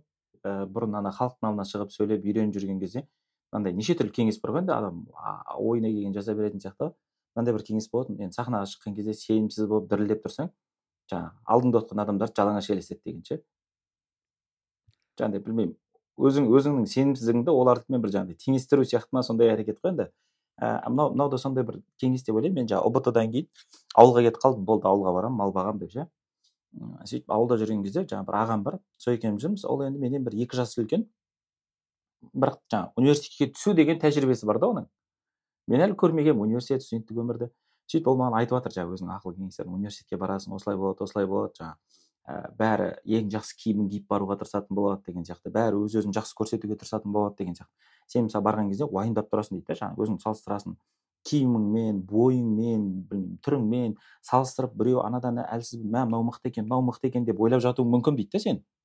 Бірақ сен мынаны ұмытпа дейді да сол жерде жүрген бәрі сөйтіп ойлап жатыр дейді да жаңа ол сізге өтті ғой ол сөз иә жоқ өтті дегенде маған мысалы қазір сол сөз есіме түсіп жатыр да енді менде қатты ондай бір білмеймін неге бір салыстыру болған жоқ бірақ жаңағы сіздің айтып жатқаныңыздай сіз келген кезінде мә мынау физмат бітірген деп қарап жатсаңыз сол физматтың баласы сізге қарап ойлап жатқан болуы мүмкін ғой мә мынау бүкіл сабақтан бес алған бала екен деп ше иә және ә, адам салыстыру деген тақырыпты қозғадық қой. егер адам өз орнын тапқан болса ода салыстыру деген нәрсе болмай қалатын сияқты. Иә иә ол қажеттілік өшеді өзі өшеді. Демек бәрі анау неге келіп тіреліп жатқан сияқты. Өзі орнын табу жалпы мен мен қай жерде және ол орның ә, сенің параметрлеріңе сай орын болу керек қой. Аяғын созып отыруға ыңғайлы орын ә, деген сияқты. кетігі сай келу керек па? Кетігі сай келу керек та. Сонда осы нәрсені егер ә, адам өзінің жалпы өмірдегі функциясын бағанағы енді неге кетіп қалғым келіп тұр? Ауыр тақырыптарға миссия анау мынау деген. Бірақ енді ол әлі уақыт емес сияқты. Бірақ сонда да адам осы мәселені шешіп алсақ біз өз өмірдегі қоғамдағы сол сәттегі орнын тапса адам өзінің ә, ода салыстыру болмайды ғой. Ол өзінің көзқарас басқаша ше осыған ыыы жаңағыдай білмеймін сол орның тап та жаңағы кетігін тап та бар қалан дегенде маған кілтті сөз қалан сияқты болып көрінеді ше. Яғни мен өзімді бір андай кірпішпін немесе енді андай мен әдетте енді бірегеймін ғой ешкімге ұқсамаймын ғой. Менің пішінім жаңағы тік төртбұрыш емес жұлдыз болуы мүмкін. Мысалға сөйтіп жаңағы пазл ұқсап мен жұлдызы бар орынды іздесем ұзақ жүретін сияқтымын ше. Так менің орным қайда деп ше. Менің ойымша мысалы мен бір жерге бардым бір қабырға тұр ма сол қабырғада қандай пішін мысалы домалақ тұрса мен өз пішінімді егеп сол домалаққа келтіріп кіру керек сияқтымын да сол жерге. Ол жерде бір ана қалам дегенге білмеймін. Бұл енді мүмкін бір бір тәжірибемен бір таяқ жегенмен бір есейгендікпен келетін шығар. Бірақ андай менде кішкене басқаша да көзқарас. Андай өзің әдемі иә бізде қазір екі түрлі әдіс бірақ түпкі ә, мақсат орнын табу ғой. Орнын табу иә иә. Түпкі түпкі нәтиже? түпкі нәтиже орын табу. Иә біреу деген өзінің пішініне сәйкес орын іздейді біреу сол мынандай сұрақ туындап жатыр менде жігіттер мырзалар. Енді мысалы жаңағы самооценка туралы айтып жатыр самооценкамыз бар жоқтығын қай жақтан білуге болады деген сұрақ туындады да. Осы осыны бір мысалы сіздің самооценкаңыз жоғары ма? Жаңағыдай ә, мен мен норма деп ойлап тұрған жерде мүмкін сырттағы адамдар мені тәкаппар деп ойлап тұрған шығар. Мен жалпы самооценкам бар жоқтығын қалай білеміз? Оның критерийі не сіздер үшін? Осы жайында бір ой қозғап көрейікші. Жоқ самооценка бәріде бар ғой. Сен өз өзіңді төмен жоғары екен дегендей иә төмен жоғары. Қабілетке байланысты көрініс қабілетке байланысты мындай бір мәселе бар. Егер де мен ә, сенімді болатын болсам ә, қабілеттерім қабілеттерімді толыққанды аша аламын да. Мен үшін бір бір көрініс сол сияқты. Өйткені мысал ретінде бір анау илья ильин бір кездері бір чемпион болды ғой. Сол кездері әңгіме жүретін халық арасында тағы бір қазақ жігіт бар. Ол да тура илья ильин сияқты мықты көтереді. Бірақ халықтың алдына шыққан уақытта көтере алмай қалады деп ше. Ал ильин именно халықтың алдына шыққан кезде де көтере береді деп ше. Бір өзіңе деген сенімділіктің көрініс табатын жері осы сияқты. Өйткені тура соның бір несі де бар. Ыыы жүсіп пайғамбар да мысал ретінде ыыы патшаның алдына келген уақытта министр финансов болуды талап етеді да өзіне. Сен лучше ол рольді маған бер мен сені кризистік кезеңнен алып шығамын өйткені мен сенімдімін және қолымнан келеді былайша айтқан данамын деп айтады да. Яғни сен мысал ретінде сенімді болған уақытта бір нәрсеге сен өзіңді түсіре беру деген бір енді бір бізде стереотип бар ғой бір. Сен өзіңді төмен түсіре беруің керек шариғатта деген сияқты. На самом деле олай емес. Сен қабілет тұрғысынан келген кезде именно именно identity емес қабілет тұрғысынан келген кезде сен істей аласың ба? Сен айтуың керек істей аламын. Және де ол жауапкершілікті өзіңе алып соны атқарып шығуың керек. Мысалы ретінде ғалымдар болған. Маған дейін мына нәрсе ешқашан істелінбеген ә, мен номер одинмын осы салада деп айтатын болған да. То есть сенімді и істеуге болады. Менің ойымша осылайынан бір көрініс табатын сияқты. Қабілет тұрғысынан келген кезде басқа жағынан емес. Мм қабілет және жаңағыдай бір жауапкершілікке сенімділік арта алу иә мен мысалы мен мынаны істей аламын дей алу иә. Иә қабілеттеріңе сенімді болу. Сол кезде сен қабілеттеріңді толыққанды аша аласың. Мен осыған мен есіме түсіп отыр мен осыған байланысты ә, кезінде ә, израиль деген мемлекет туралы бір кітап оқыған едім да. Стартап нейшн деп аталады. Өте қызық кітап айтпақшы. Стартап нейшн қазақша аударылды ғой деймін иә? Инноватор аударылған сияқты. Ыыы иә бірақ ол жердегі маған ұнаған тұсы ол ыыы израильдің армиясы туралы бір нелер болды неге былай қарасаң израильдің армиясы өте эффективный армия болып есептелінеді да негізінде. И оның эффективно болуының есептелуінің бір себебі ол ә, біздің ыыы көзқарастамыз мен военкода оқыдым өзім мысалы бізде мынандай бар ыыы былайша айтқанда приказы исполняются потом обсуждаются деген зат бар да бізде мысалы яғни ыыы сен приказды орындайсың кейін ғана талқылайсың деген сияқты ондай сондай бір мәселе болатын да. Ыыы былай қарасаң дұрыс да бірақ мысалы израиль армиясының сол кезде бір мынандай мәселе кетірді ол жерде мысалы білмеймін енді рас өтірігін бірақ именно сол кітапта солай жазылды. Ыыы яғни кез келген басшыны дейді ыыы талқылап ыыы несі оны өзінің армиясы орнатып тастай алады дейді да. Орын қалай алып тастай алады? Яғни бір адам басшы болып келсе оған сұрақ қойылады да. Неге сен басшысың а біз басшы емеспіз дейді да мысалы бір адам келіп сұрай алады дейді яғни оның компетенциясын сынай алады жалпы былайша айтқанда. И сол үшін мысалы бір эффективті емес басқарушыны көрген кезде олар кеңесіп басқа адамды отырғыза салады екен да. Және де ол басқарушы адам басқарған кезде соны еске алып отырады да. Яғни мені де бағалайтын мына кісілер қазір. Орнынан алып тастай алады деген секілді. Сондай бір қызық форматы бар екен да. Яғни сол үшін де армия өте эффективный мысалы. Деп білмеймін. Сондай бір ой келді да яғни сені де бағалайтын кім бағалайды деген сұрақ қайтадан келеді да яғни бұл жерде де ыыы менде мынандай сұрақ та бұл жерде ыыы шығып отыр. Яғни мысалы біз мен шын өте таңғалып отырмын. Осыншалықты үлкен ыыы түрлі түрлі тармақтар бар екенін. Оған дейін білмегенмін шын айту керек алла разы болсын. Бірақ ыыы мысалы айтайық бастысы миын ашып тастамайық миын ашып тастамайық тыңдарманның миын ашып тастамайық сол үшін мен айтып мен мынандай бір кеңес айтқым келіп отыр. Мүмкін мүмкін. Енді біз ә, белгілі бір тақырыптардың бастарын аштық. Бірақ менің ойымша өте маңызды. Ыыы егер сенде мысалы адамда кез келген тыңдарманымызда сондай самооценкамен проблема болып жатса ол біреумен кеңесу просто ше вот ол өте маңызды деп есептеймін. Ә, және де ә, кеңескенде де бағанағыдай сен өзің сыйлайтын сен ортаңда яғни сенің ііі былайша айтқанда неңде мысалы сфераңда жүрген адамға сол адам мысалы айтида жүрсең айтида жүрген адаммен кеңесу да мысалы яғни.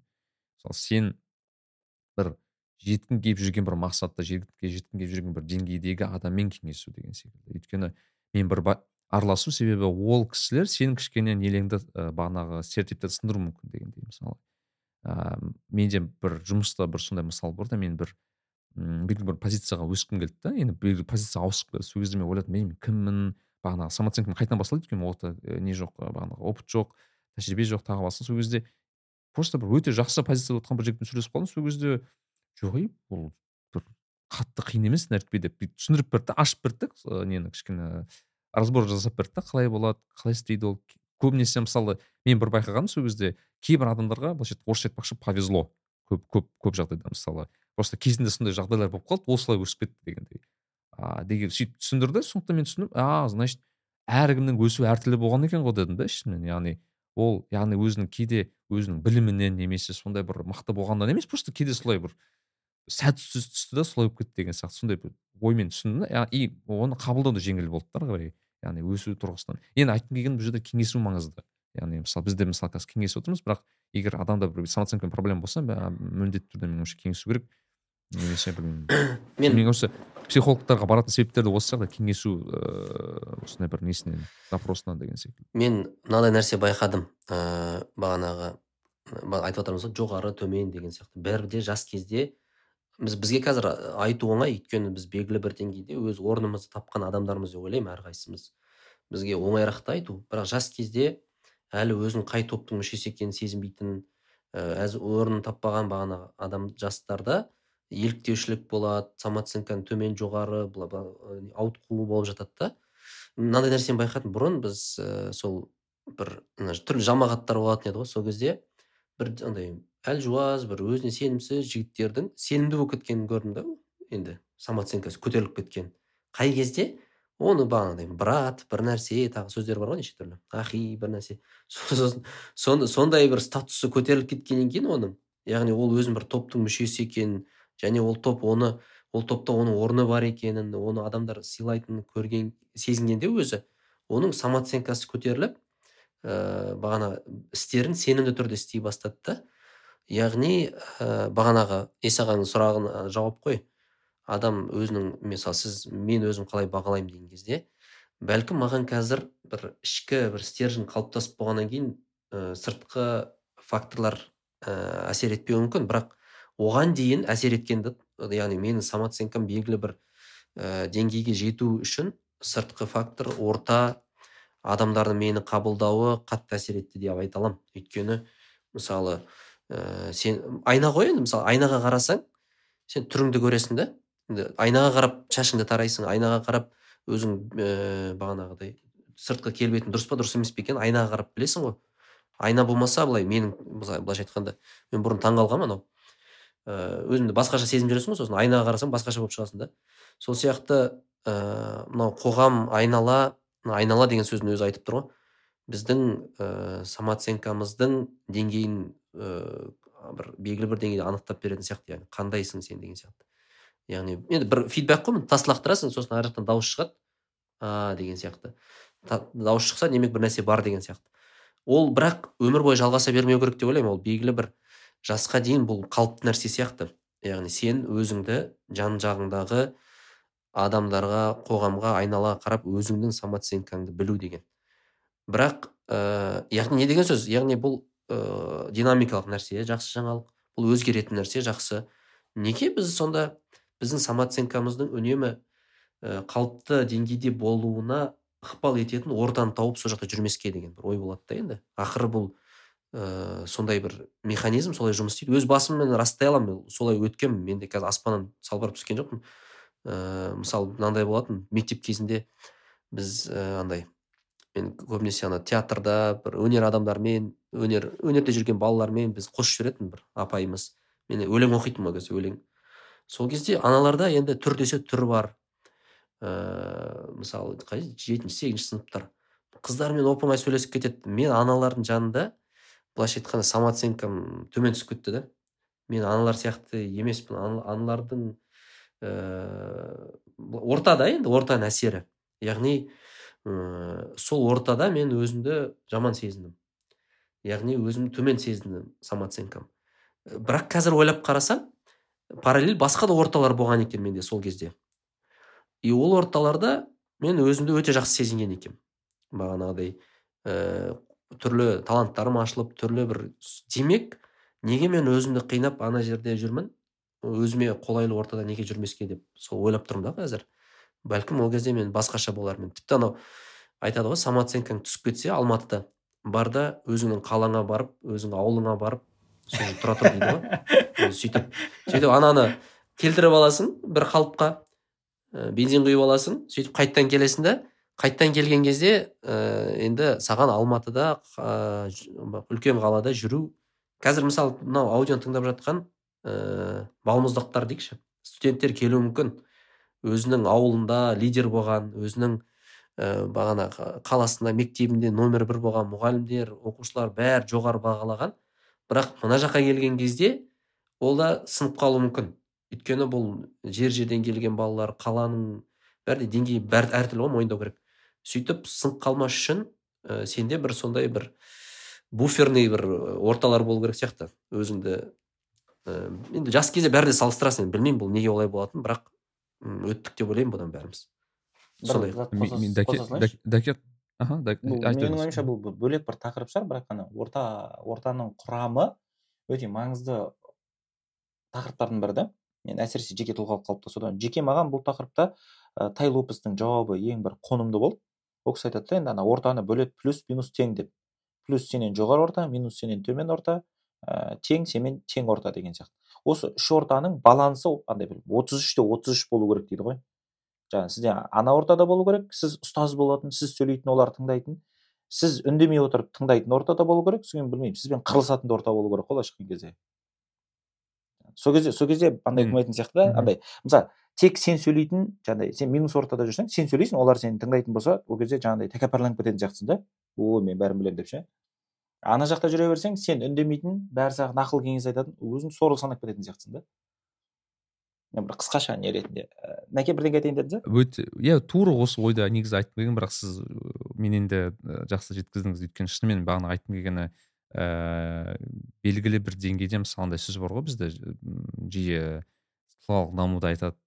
Там кім екеніңді білгің келсе ең жақын араласатын бес адамның ортаңғысың yeah, yeah, тағы басқа осындай сөздерді өте жақсы көреді ғой қалай істеп бірақ енді мысалы мен өз басым қазір салыстырсам менің қазіргі қоғамым көбіне қоғамым әртүрлі болады екен да. Мысалы мен мына жақтағы қоғам амстердамдағы қоғам бөлек алматыдағы қоғам бөлек. И менің ең қызығы екі қалада екі түрлі мүлдем өзімді сеземін. Шыны керек өйткені мына жақтағы қоғам мына жақта мысалы айтайын менде көбінесе айти мамандар шетелдік азаматтар көбінесе бағанағы голландық адамдар. Мына жерде адамдар жайбарақат өмір сүреді да. Яғни ешкім еш жаққа асықпайды бір өзінің жұмысын жасайды келеді баласымен отырады тағы басқа. Асығыс жоқ бір өзіме бір айтпақшы бір размеренный жизнь дейді ғой алматыға барған кезде менде ортамда бағанағы орысша айтпақшы двигаться ететін жігіттер көп та өте андай движухада жүретін жігіттер өте көп.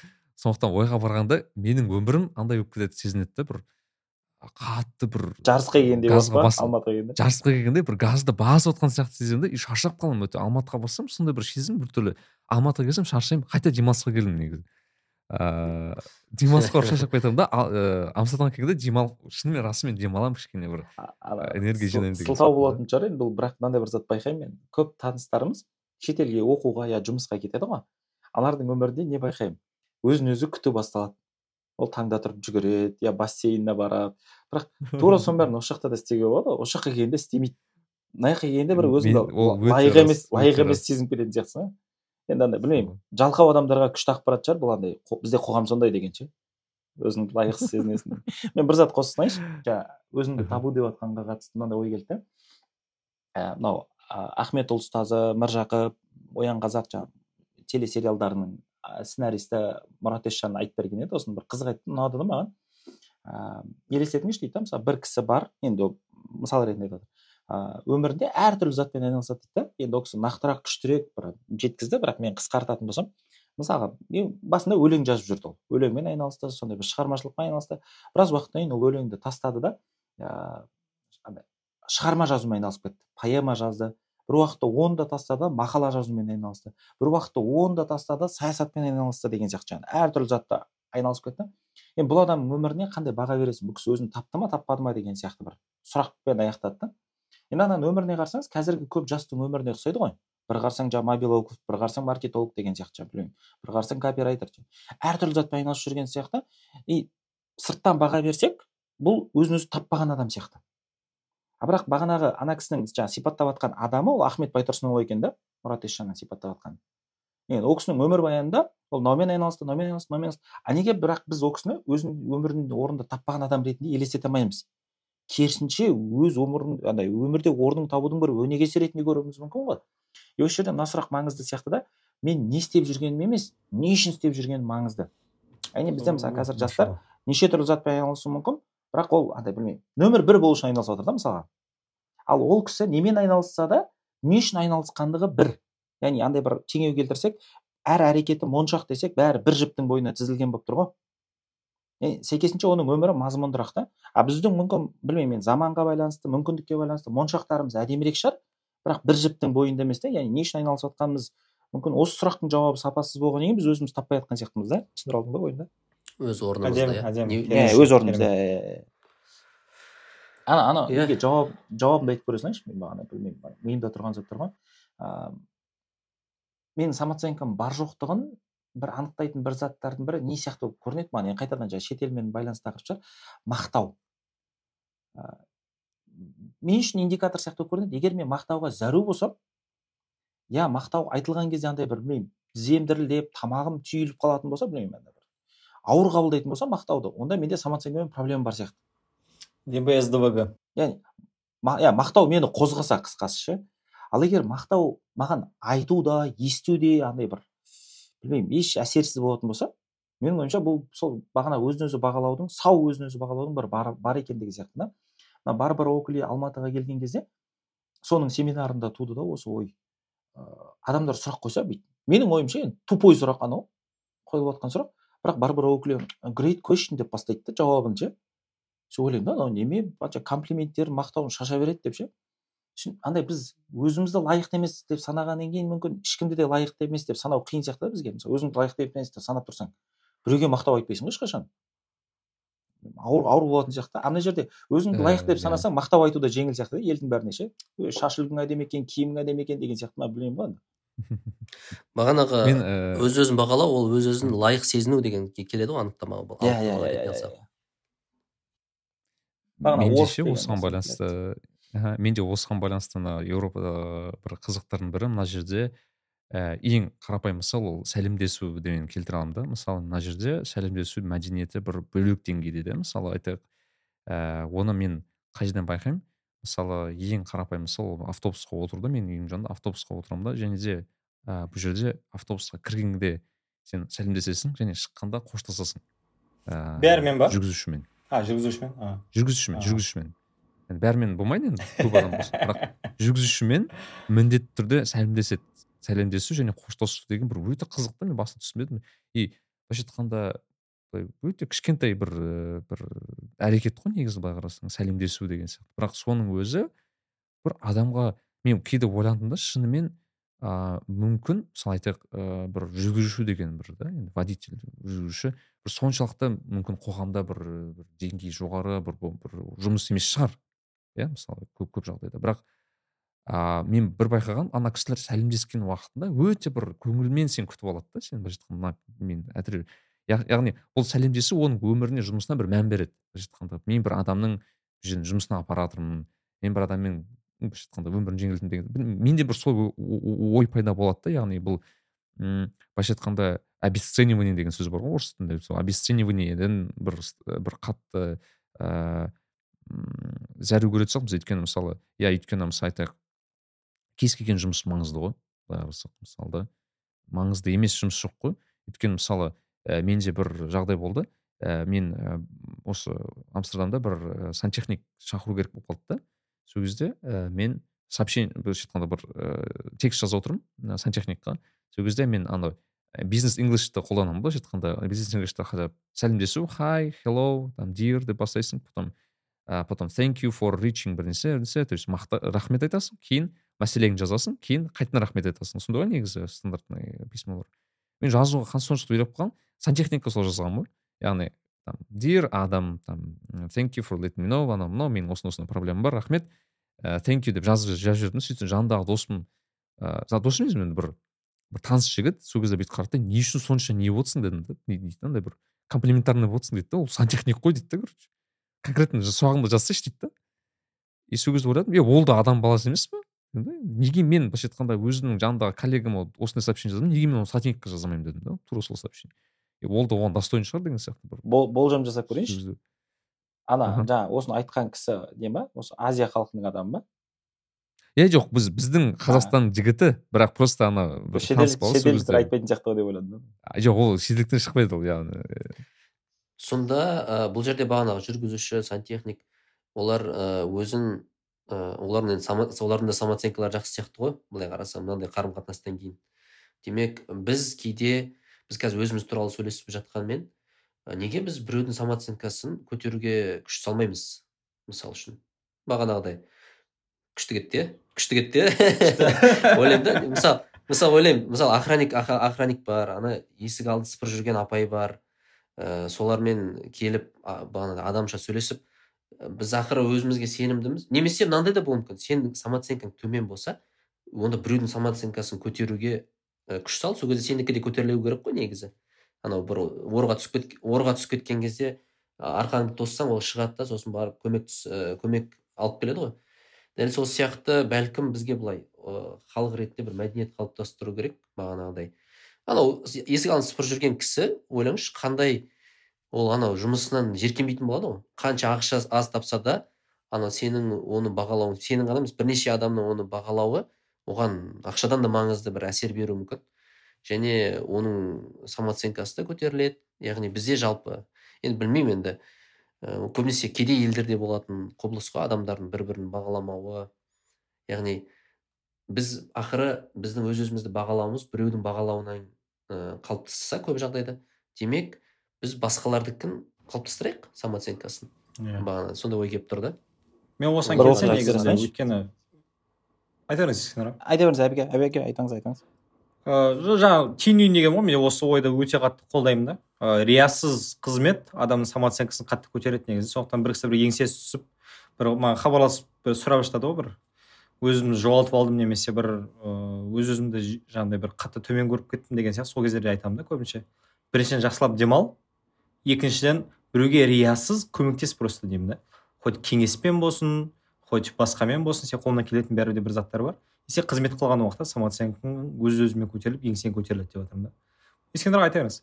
Сол ғана айтайын дегенмін жаңа жаңа ойлап отырмын да неге қатысты? Мен бағанадан бері андай менде самооценкамен проблема болған жоқ деген бір ой тастап отырмын ғой. Өйткені шынымен бір андай кәсіпкерлік бағытта табыс табуда мысалы мынау менен көп табады аз табады деп жарыспаппын.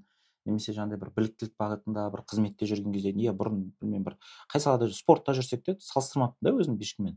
Бірақ әке ретінде самооценкамен андай менде болды кәдімгідей мәселелер. Ә, мен қаншалықты лайықты әкемін мен дұрыс істеп жатырмын ба дұрыс істеп жатқан жоқпын ба деген. И қазір мысалы ұлдармен сұхбаттасқан кәдімгідей осыны бір реттеп береді да. Дәкең айтқандай олардың маған деген қарым қатынасы менің әке ретінде деген өз өзіме бағалауыма кәдімгідей ықпал етеді. Мынандай бір оқиғаны айтып бергім келіп тұр жаңағы сыртқа бір әсер ретінде біз ол кезде астанада тұрамыз. Сосын сыртқа шыққан кезінде жаңағы енді бірнеше ұл бала сосын кішісінің біреуі жаңағы қоқыс жинайтын ағай деді ма апай деді ма бірдеңе деді. Да қоқысшы деді. Біз таңда шыққан кезде есік алдын жинап жүрген кезде. Сол үлкеннің ойы ұнады да маған. Ә, біз ғой қоқыс шашатын біз ғой қоқысшы дейді да ол кісі керісінше тазалағыш қой тазалаушы ғой дейді да ана жерде анасы анасы екеуміз анасы екеуміз ана неғып кеттік қой ана кісінің жаңағы қызметін құмтап кеттік қой. Ана кісі естісе деймін да қазір ойлап отырмын да егер ана кісі ананы естісе ана әңгімені ыыы басқаша сезінетін бе еді өзінің жұмысын басқаша қабылдайтын бе біздің қарым қатынасымыздың бір несі ғой ықпалы ғой. Ә, мынандай бір ә, нені айтып шықсам бола ма? Бағанағы төрт затты айтып отырмық қой. Ыыы барынша ашып көруге тырысайын қысқа қылып бір мынандай деп елестетейікші сорпа. Тамақ деп ше білмеймін. Осы сорпаның сапасы дәмді болуы біздің жаңа өзін өзі бағалауымызды шығады да осыдан деп қарасақ. Ең біріншісі бұның суы болу керек. Енді құр су болса болмайды. Су болмаса тағы болмайды. Осы осы бір ең бір фундаменталды элемент ретінде компонент ретінде қарым қатынасты алу керек сияқты да. Өйткені осы қарым қатынас бізге бағанағы біреуді құнсыздандырмау. Жалпы кімнің болсын тұлғасын әрекетін құнсыздандырудан құтқаратын сияқты да қарым қатынас негізгі элемент ретінде. Ә, бағанағы біз төрт компонент дедік қой өзін өзі бағалауда. Сол қарым қатынас осы қауіпсіздік сезімін беретін сияқты да адамға. Яғни мені бір жерде ең болмаса отбасымда я басқа жерде мені шартсыз қабылдайтын болса мен өзімді қауіпсіз сезінемін. Одан кейін екіншісі жаңағы ә, рөліңді сезіну өзіңнің жаңағы бірегейлігіңді мүмкін сезіну орныңды сезіну деп алатын болсақ бұл кәдімгі еңбектен келетін сияқты. ағылшын тілінде хард бар ғой. мен бір челлендждарға сынақтарға барып осыдан бір сүрінбей өткен кезде ол жерде жеңіске жеткен кезде менің рөлім анықтала бастатын сияқты кім екендігім. мысалы бүгінгі жастардың самооценкамен басты проблемасының бірі өмірдің жеңіл екендігінде ғой.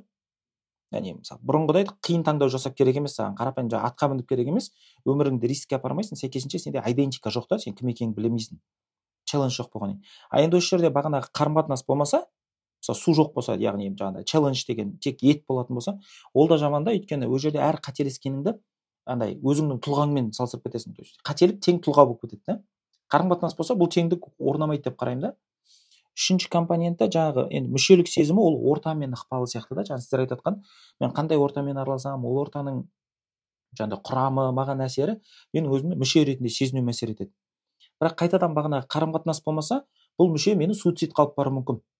Мені темекі шектіруі мүмкін басқа да әрекеттер істетуі мүмкін. Өйткені мен өзімді мүше сезіну үшін ана әрекеттің бәрін істеп тастауым мүмкін да егер қарым қатынас болмаса менде. Шартсыз қарым қатынас болмаса. Төртіншісі жаңағы біліктілікке қатысты да осылай ойлап жатырмын да енді біліктілік ол көбінесе неден қалыптасады? Ыыы ол жаңағыдай қабілетіңді шыңдағаннан ғой енді жеке дамудан қалыптасады. Бірақ қайтадан қарым қатынас болмаса сен білікті болсаң андай менменсіп кететін сияқтысың да керісінше. Ой мен мынаны істей аламын сендер істей алмайсыңдар деген сияқты. Яғни осы бір төрт компонентке сондай алып келетін зат ыыы мен өзімді қауіпсіз сезіну үшін менде қарым қатынас болу керек. Өзімді жаңағы рөлімді сезіну үшін мен еңбектенуім керек. Андай сынақтарға баруым керек. Ә, рискке баруым керек. Өзімді мүше сезіну үшін маған орта керек. Ә, өзімді қабілетті сезіну үшін жеке даму керек сияқты да білмеймін бір өзіме түйіндеген затым ғой. Тамаша. Негізі бүкіл подкастты өшіріп осы соңғы екі минутта қалдыра саламыз ғой негізі.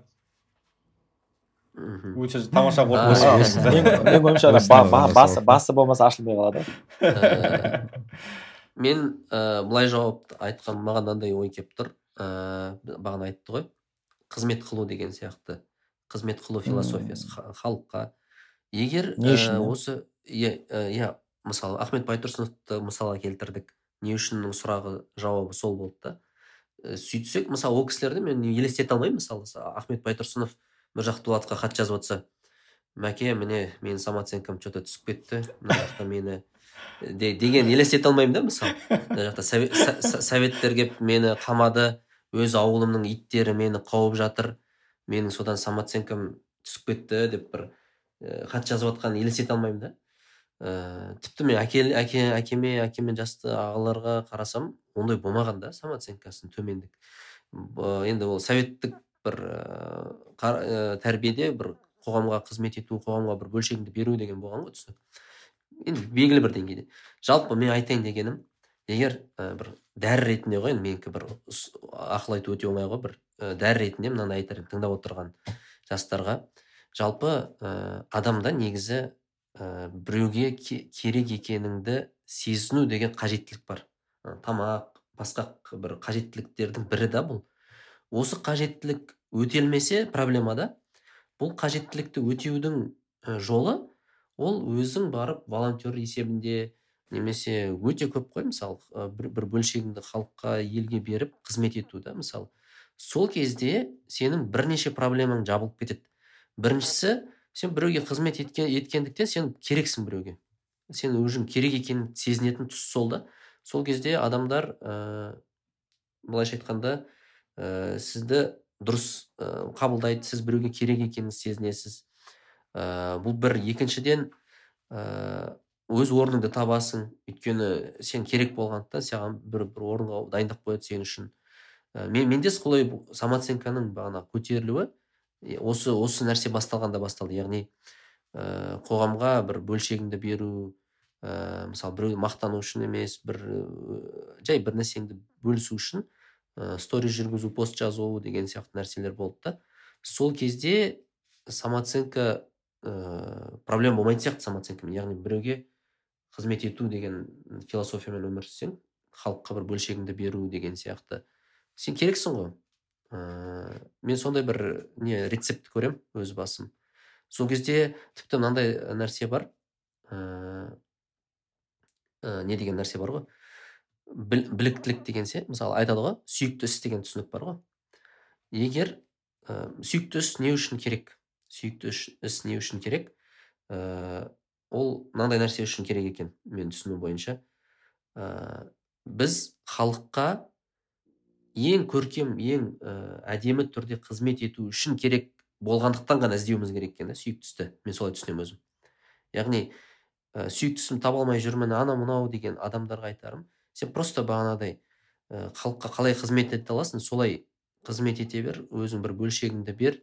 Сол кезде сенің сүйікті істі табу ықтималың тез артып кетеді. Өйткені сен түсінесің ғой а мен деген негізі ә, заттасып жақсырақ көмектесе алады екенмін. Немесе мен деген сөйлеп жақсы көмектесе алады екенмін халыққа. Жақсы сол солай іздесең тезірек болатын сияқты да өзің сүйіктісін табу. Яғни сүйікті істің мәні ол бағана эгоңды бір ә, эгоң үшін емес. Мен қалай ең көркем түрде халыққа қызмет ете аламын деген сұрақтың жауабы болу керек та ол сүйіктісі. Мен ә, сол кезде самооценка енді өз, өзім өткен жолды қарасам менің самооценкам қазіргі деңгейде ә, болуына сол өте қатты ықпал еткен сол бір әдіс деп ойлаймын. Машаллах әдемі. Мен ә, осы анау ә, сезім білдіру тағы осыған байланысты жақында енді балалы әкелі болдық қой енді. Сол кезде бір подкаст тыңдап отырдым да. Сол ә, баланың туылу жалпы несі туралы осы процесс туралы сол кезде бір ой айтылды да. Мынандай сұрақтан басталды. Неге балалар құшақтағанды жақсы көреді? дейді яғни құшақтаған былай былай жаңағы денеңе дене болып ұстап жақындағанды неге жақсы көреді? деген сұраққа мынандай күшті жауап алдым да. Өйткені дейді оларды сол арқылы өздерін керек сезінеді екен дейді да балалар негізі. Өйткені бұл олар бұл әлемге әм, әлсіз болып келеді ғой. Яғни егер бірақ құшақтаған кезде бір жақын осындай бір құшағың алған кезде олар өзін керек сезінеді да и мынандай күш сезеді бұл өмір сүруге ә, бір не алады дейді да.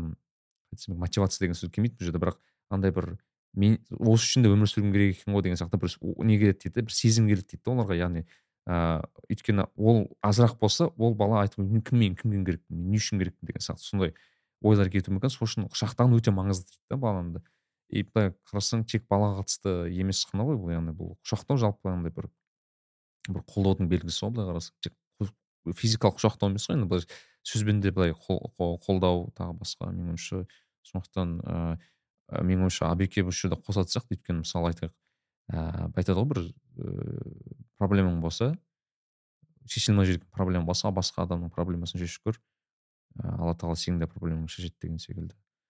Яғни андай сол мен формула жүз пайыз жұмыс істейтін формула шын айтқанда. Менің ойымша бір кейде айтады ғой бір бір нәрсе болмаса садақа беріп жібер деп айтады ғой бізде бірақ менің ойымша бұл жерде садақа да емес бұл яғни сен бір ақшамен болса да көмектесу бір ә, себебін тудырып жатрсың ғой яғни бір адамға минимум әрекет жасау ма қызмет етудің мен психологтарға ұнамайтын бір әңгіме айтайын ба айтыңыз психологтар мен ондай әңгімені жақсы көремін анекдот қой анау нені анекдот білесіздер ғой қожанасыр кілтін іздеп жүреді ғой далада сосын біреу көріп қалып қожеке не істеп жүрсіз деген жаңағы кілтімді жоғалтып алдым деп. Бәрі жабылып іздеп қай жерде жоғалтып едің десе үйде жоғалтып едім дейді ғой.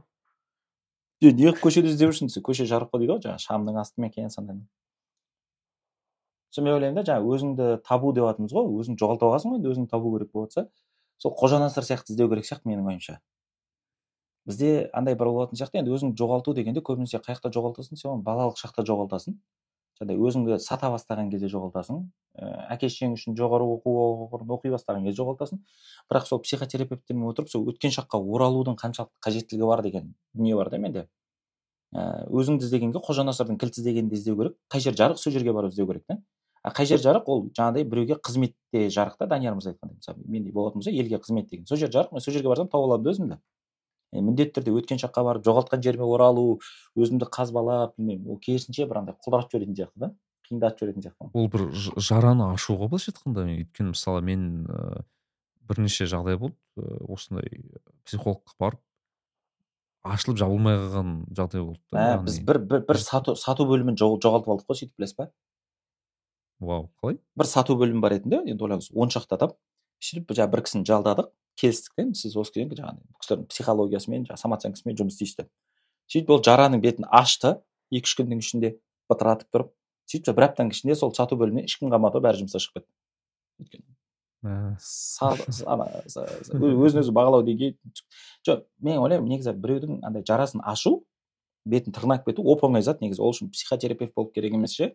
Бір екі сұрақ қойсаң болды ол барып қалады біраз жерге. Жерде сол психотерапияның мәні емдеу деді ғой негізі. Иә сол сол жараны жауып кету енді ол бөлек тақырып бірақ ашу қиын емес негізі ашу қиын емес оп оңай иә өте күшті. Ыыы менің ойымша өте күшті бір тұшымды бір ой ой талқы болды жалпы менің ойымша мен ыыы расы керек. Осыншалықты әртүрлі м пікірлер естімеппін осыған дейін. Осы бір бір бір тақырыпқа байланысты осыншалықты әртүрлі не бар екен енді мен өзімнің түйіндесім енді дәке әбеке сіздер исаға сіздер ол жағын айтасыз жатасыздар бірақ маған десең ә, бағанағы түйін ол бағанағы ә, өзіңді орын таба алу ә, бір белгілі бір адамға қызмет ете алу өз өз өзіңді дұрыс бағалау үшін де өзіңнің кім екеніңді түсіну рөліңді түсіну деп ойлаймын. Енді ең басты мысалы мен өзім қайта айтайын мен мысалы адамды менің ойымша алланың құлы деп қабылдаса ыыы басқаны да алланың құлы деп қабылдайды да ол кезде менің ойымша өйткені ыыы өйткені шынымен ыыы былайша айтқанда ә, сен кімсің біреуді бағалау бағалау бағалайтындай кімсің? егер оның оның бағалаушысы құдай болса да былайша айтқанда мен мен сондай ыыы принципті ұстанамын да. Сондықтан ә, бұл ыыы и және де білмеймін ескендір аға қосатын шығар бірақ менің ойымша бағала бағаламай қарау бұл бұл бір кемелдіктің бір шыңы деп ойласам ба екен бір ә, бір жеке дамудағы бір бір алынбас белестердің бірі сияқты болып көрінеді жалпы бағаламай ешкімді бағаламай ә, өмір сүру деген секілді. Білмеймін сондай бір ой, ой түйдім өзім. Сұрадыңыз ғой қоса монтессори деген педагогтың мынандай сөзі бар. Ә, безоценочное суждение высшая форма мышления деген. Яғни баға бермей ойлану ең жоғарғы ойлану деген сияқты сондай бір қызық несі бар да пайымы. Енді бағанағыдай ол да бір кемелдіктің көрінісі шығар. Көп көпке қол жетімсіз мен, мен, мен бір мынандай түйін айта салайыншы. Не айтқым келіп тұрды? А мынандай ә, енді әртүрлі жаңағы өзін өзі бағалауды түсіріп алмас үшін көтеру үшін неше түрлі өз ой пікірімізді айтып жатырмыз ғой. Бірақ мына бір зат сияқты ең маңыздысы ә, сіз өзін өзі бағалауды қалай уайымдап алаңдап жүрген сияқты елдің бәрі тура солай алаңдап уайымдап жүр. Бұл жеке сіздің басыңызға ғана туған проблема емес бұл осы дүниеге келген кеткен болашақта келетін бүкіл адамның проблемасы ғой. Бәрі бұны шешуге тырысқан сәтсіз шешкен сәтсіз шешпеген ол маңызды емес. Бірақ бұл ортақ проблема екенін ұмытпау ғой. Бәрін бәрінде болған проблема да. Форбстағы кістеделерде де бар бұл спортсмендер олимпиада чемпиондарында да бар бізде де бар бәрінде бар. Менің жеке басымның бірегей проблемасы деп қарап қалып қалмасын бұл динамикалық нәрсе өзгеріп иә иә әдемі әдемі. Соны ұмытпау керек соны. Бүгін подкаст жазып жатып ертең құлдырап жатуымыз мүмкін дейсіз ғой иә иә. Анау не сияқты ғой ыыы спортсмендерді үйреткен кезде дейді да басында бізді ұтуға үйретеді ғой дейді да негізінде. Бірақ ә, бір ә, бір заттың ұтылуды үйрену керек дейді да оны да үйрету керек бөлек дейді да өйткені ана бір әсіресе бір спорт андай төбелес жаңағы UFC сияқты спорттарда ең ә, проблема ол ұтуда емес ұтылуда дейді да ұтылған спортсменді қайта көтеру қиын дейді да соны соны сол сияқты болып тұр ғой. Сол. Ыыы қосарларыңыз бар ма тағы да ке? Бірақ менің ойымша өте күшті эпизод болды. Және де ә, тамаша ойлар келді. Ағалар сіздерге көп рахмет. Ыыы бұл осынша бір ә, пайдалы бір уақыт өткіздік және де тыңдармандарға сіздерге де рахмет. Яғни бұны сондай тыңдап ыыы лаж болса достарыңызға бөлісіп ыыы мүмкін білмеймін инстаграмға ыыы бір бізді белгілеп қойсаңыздар бізде бір кері байланыс дофамин аламыз кішкене болсын. Самооценкамыз көтеріліп қалсын самооценкасы көтеріліп қалсын. иә сондай бір ыыы біздің қызмет ету неміз галочкамызды бүйтіп ыыы қояр едік. Сол ііі көп рахмет. Иә ііі подкастты бөлісуді ұмытпаймыз пікір қалдыруды ұмытпаймыз. Ыыы келесі кездескенше иә көп рахмет. Ағалар сіздерге көп рахмет. Сіздерге көп айтыларыңыз болмаса біз иә бәріміз келесі кездескенше аман болыңыздар. Асықпа.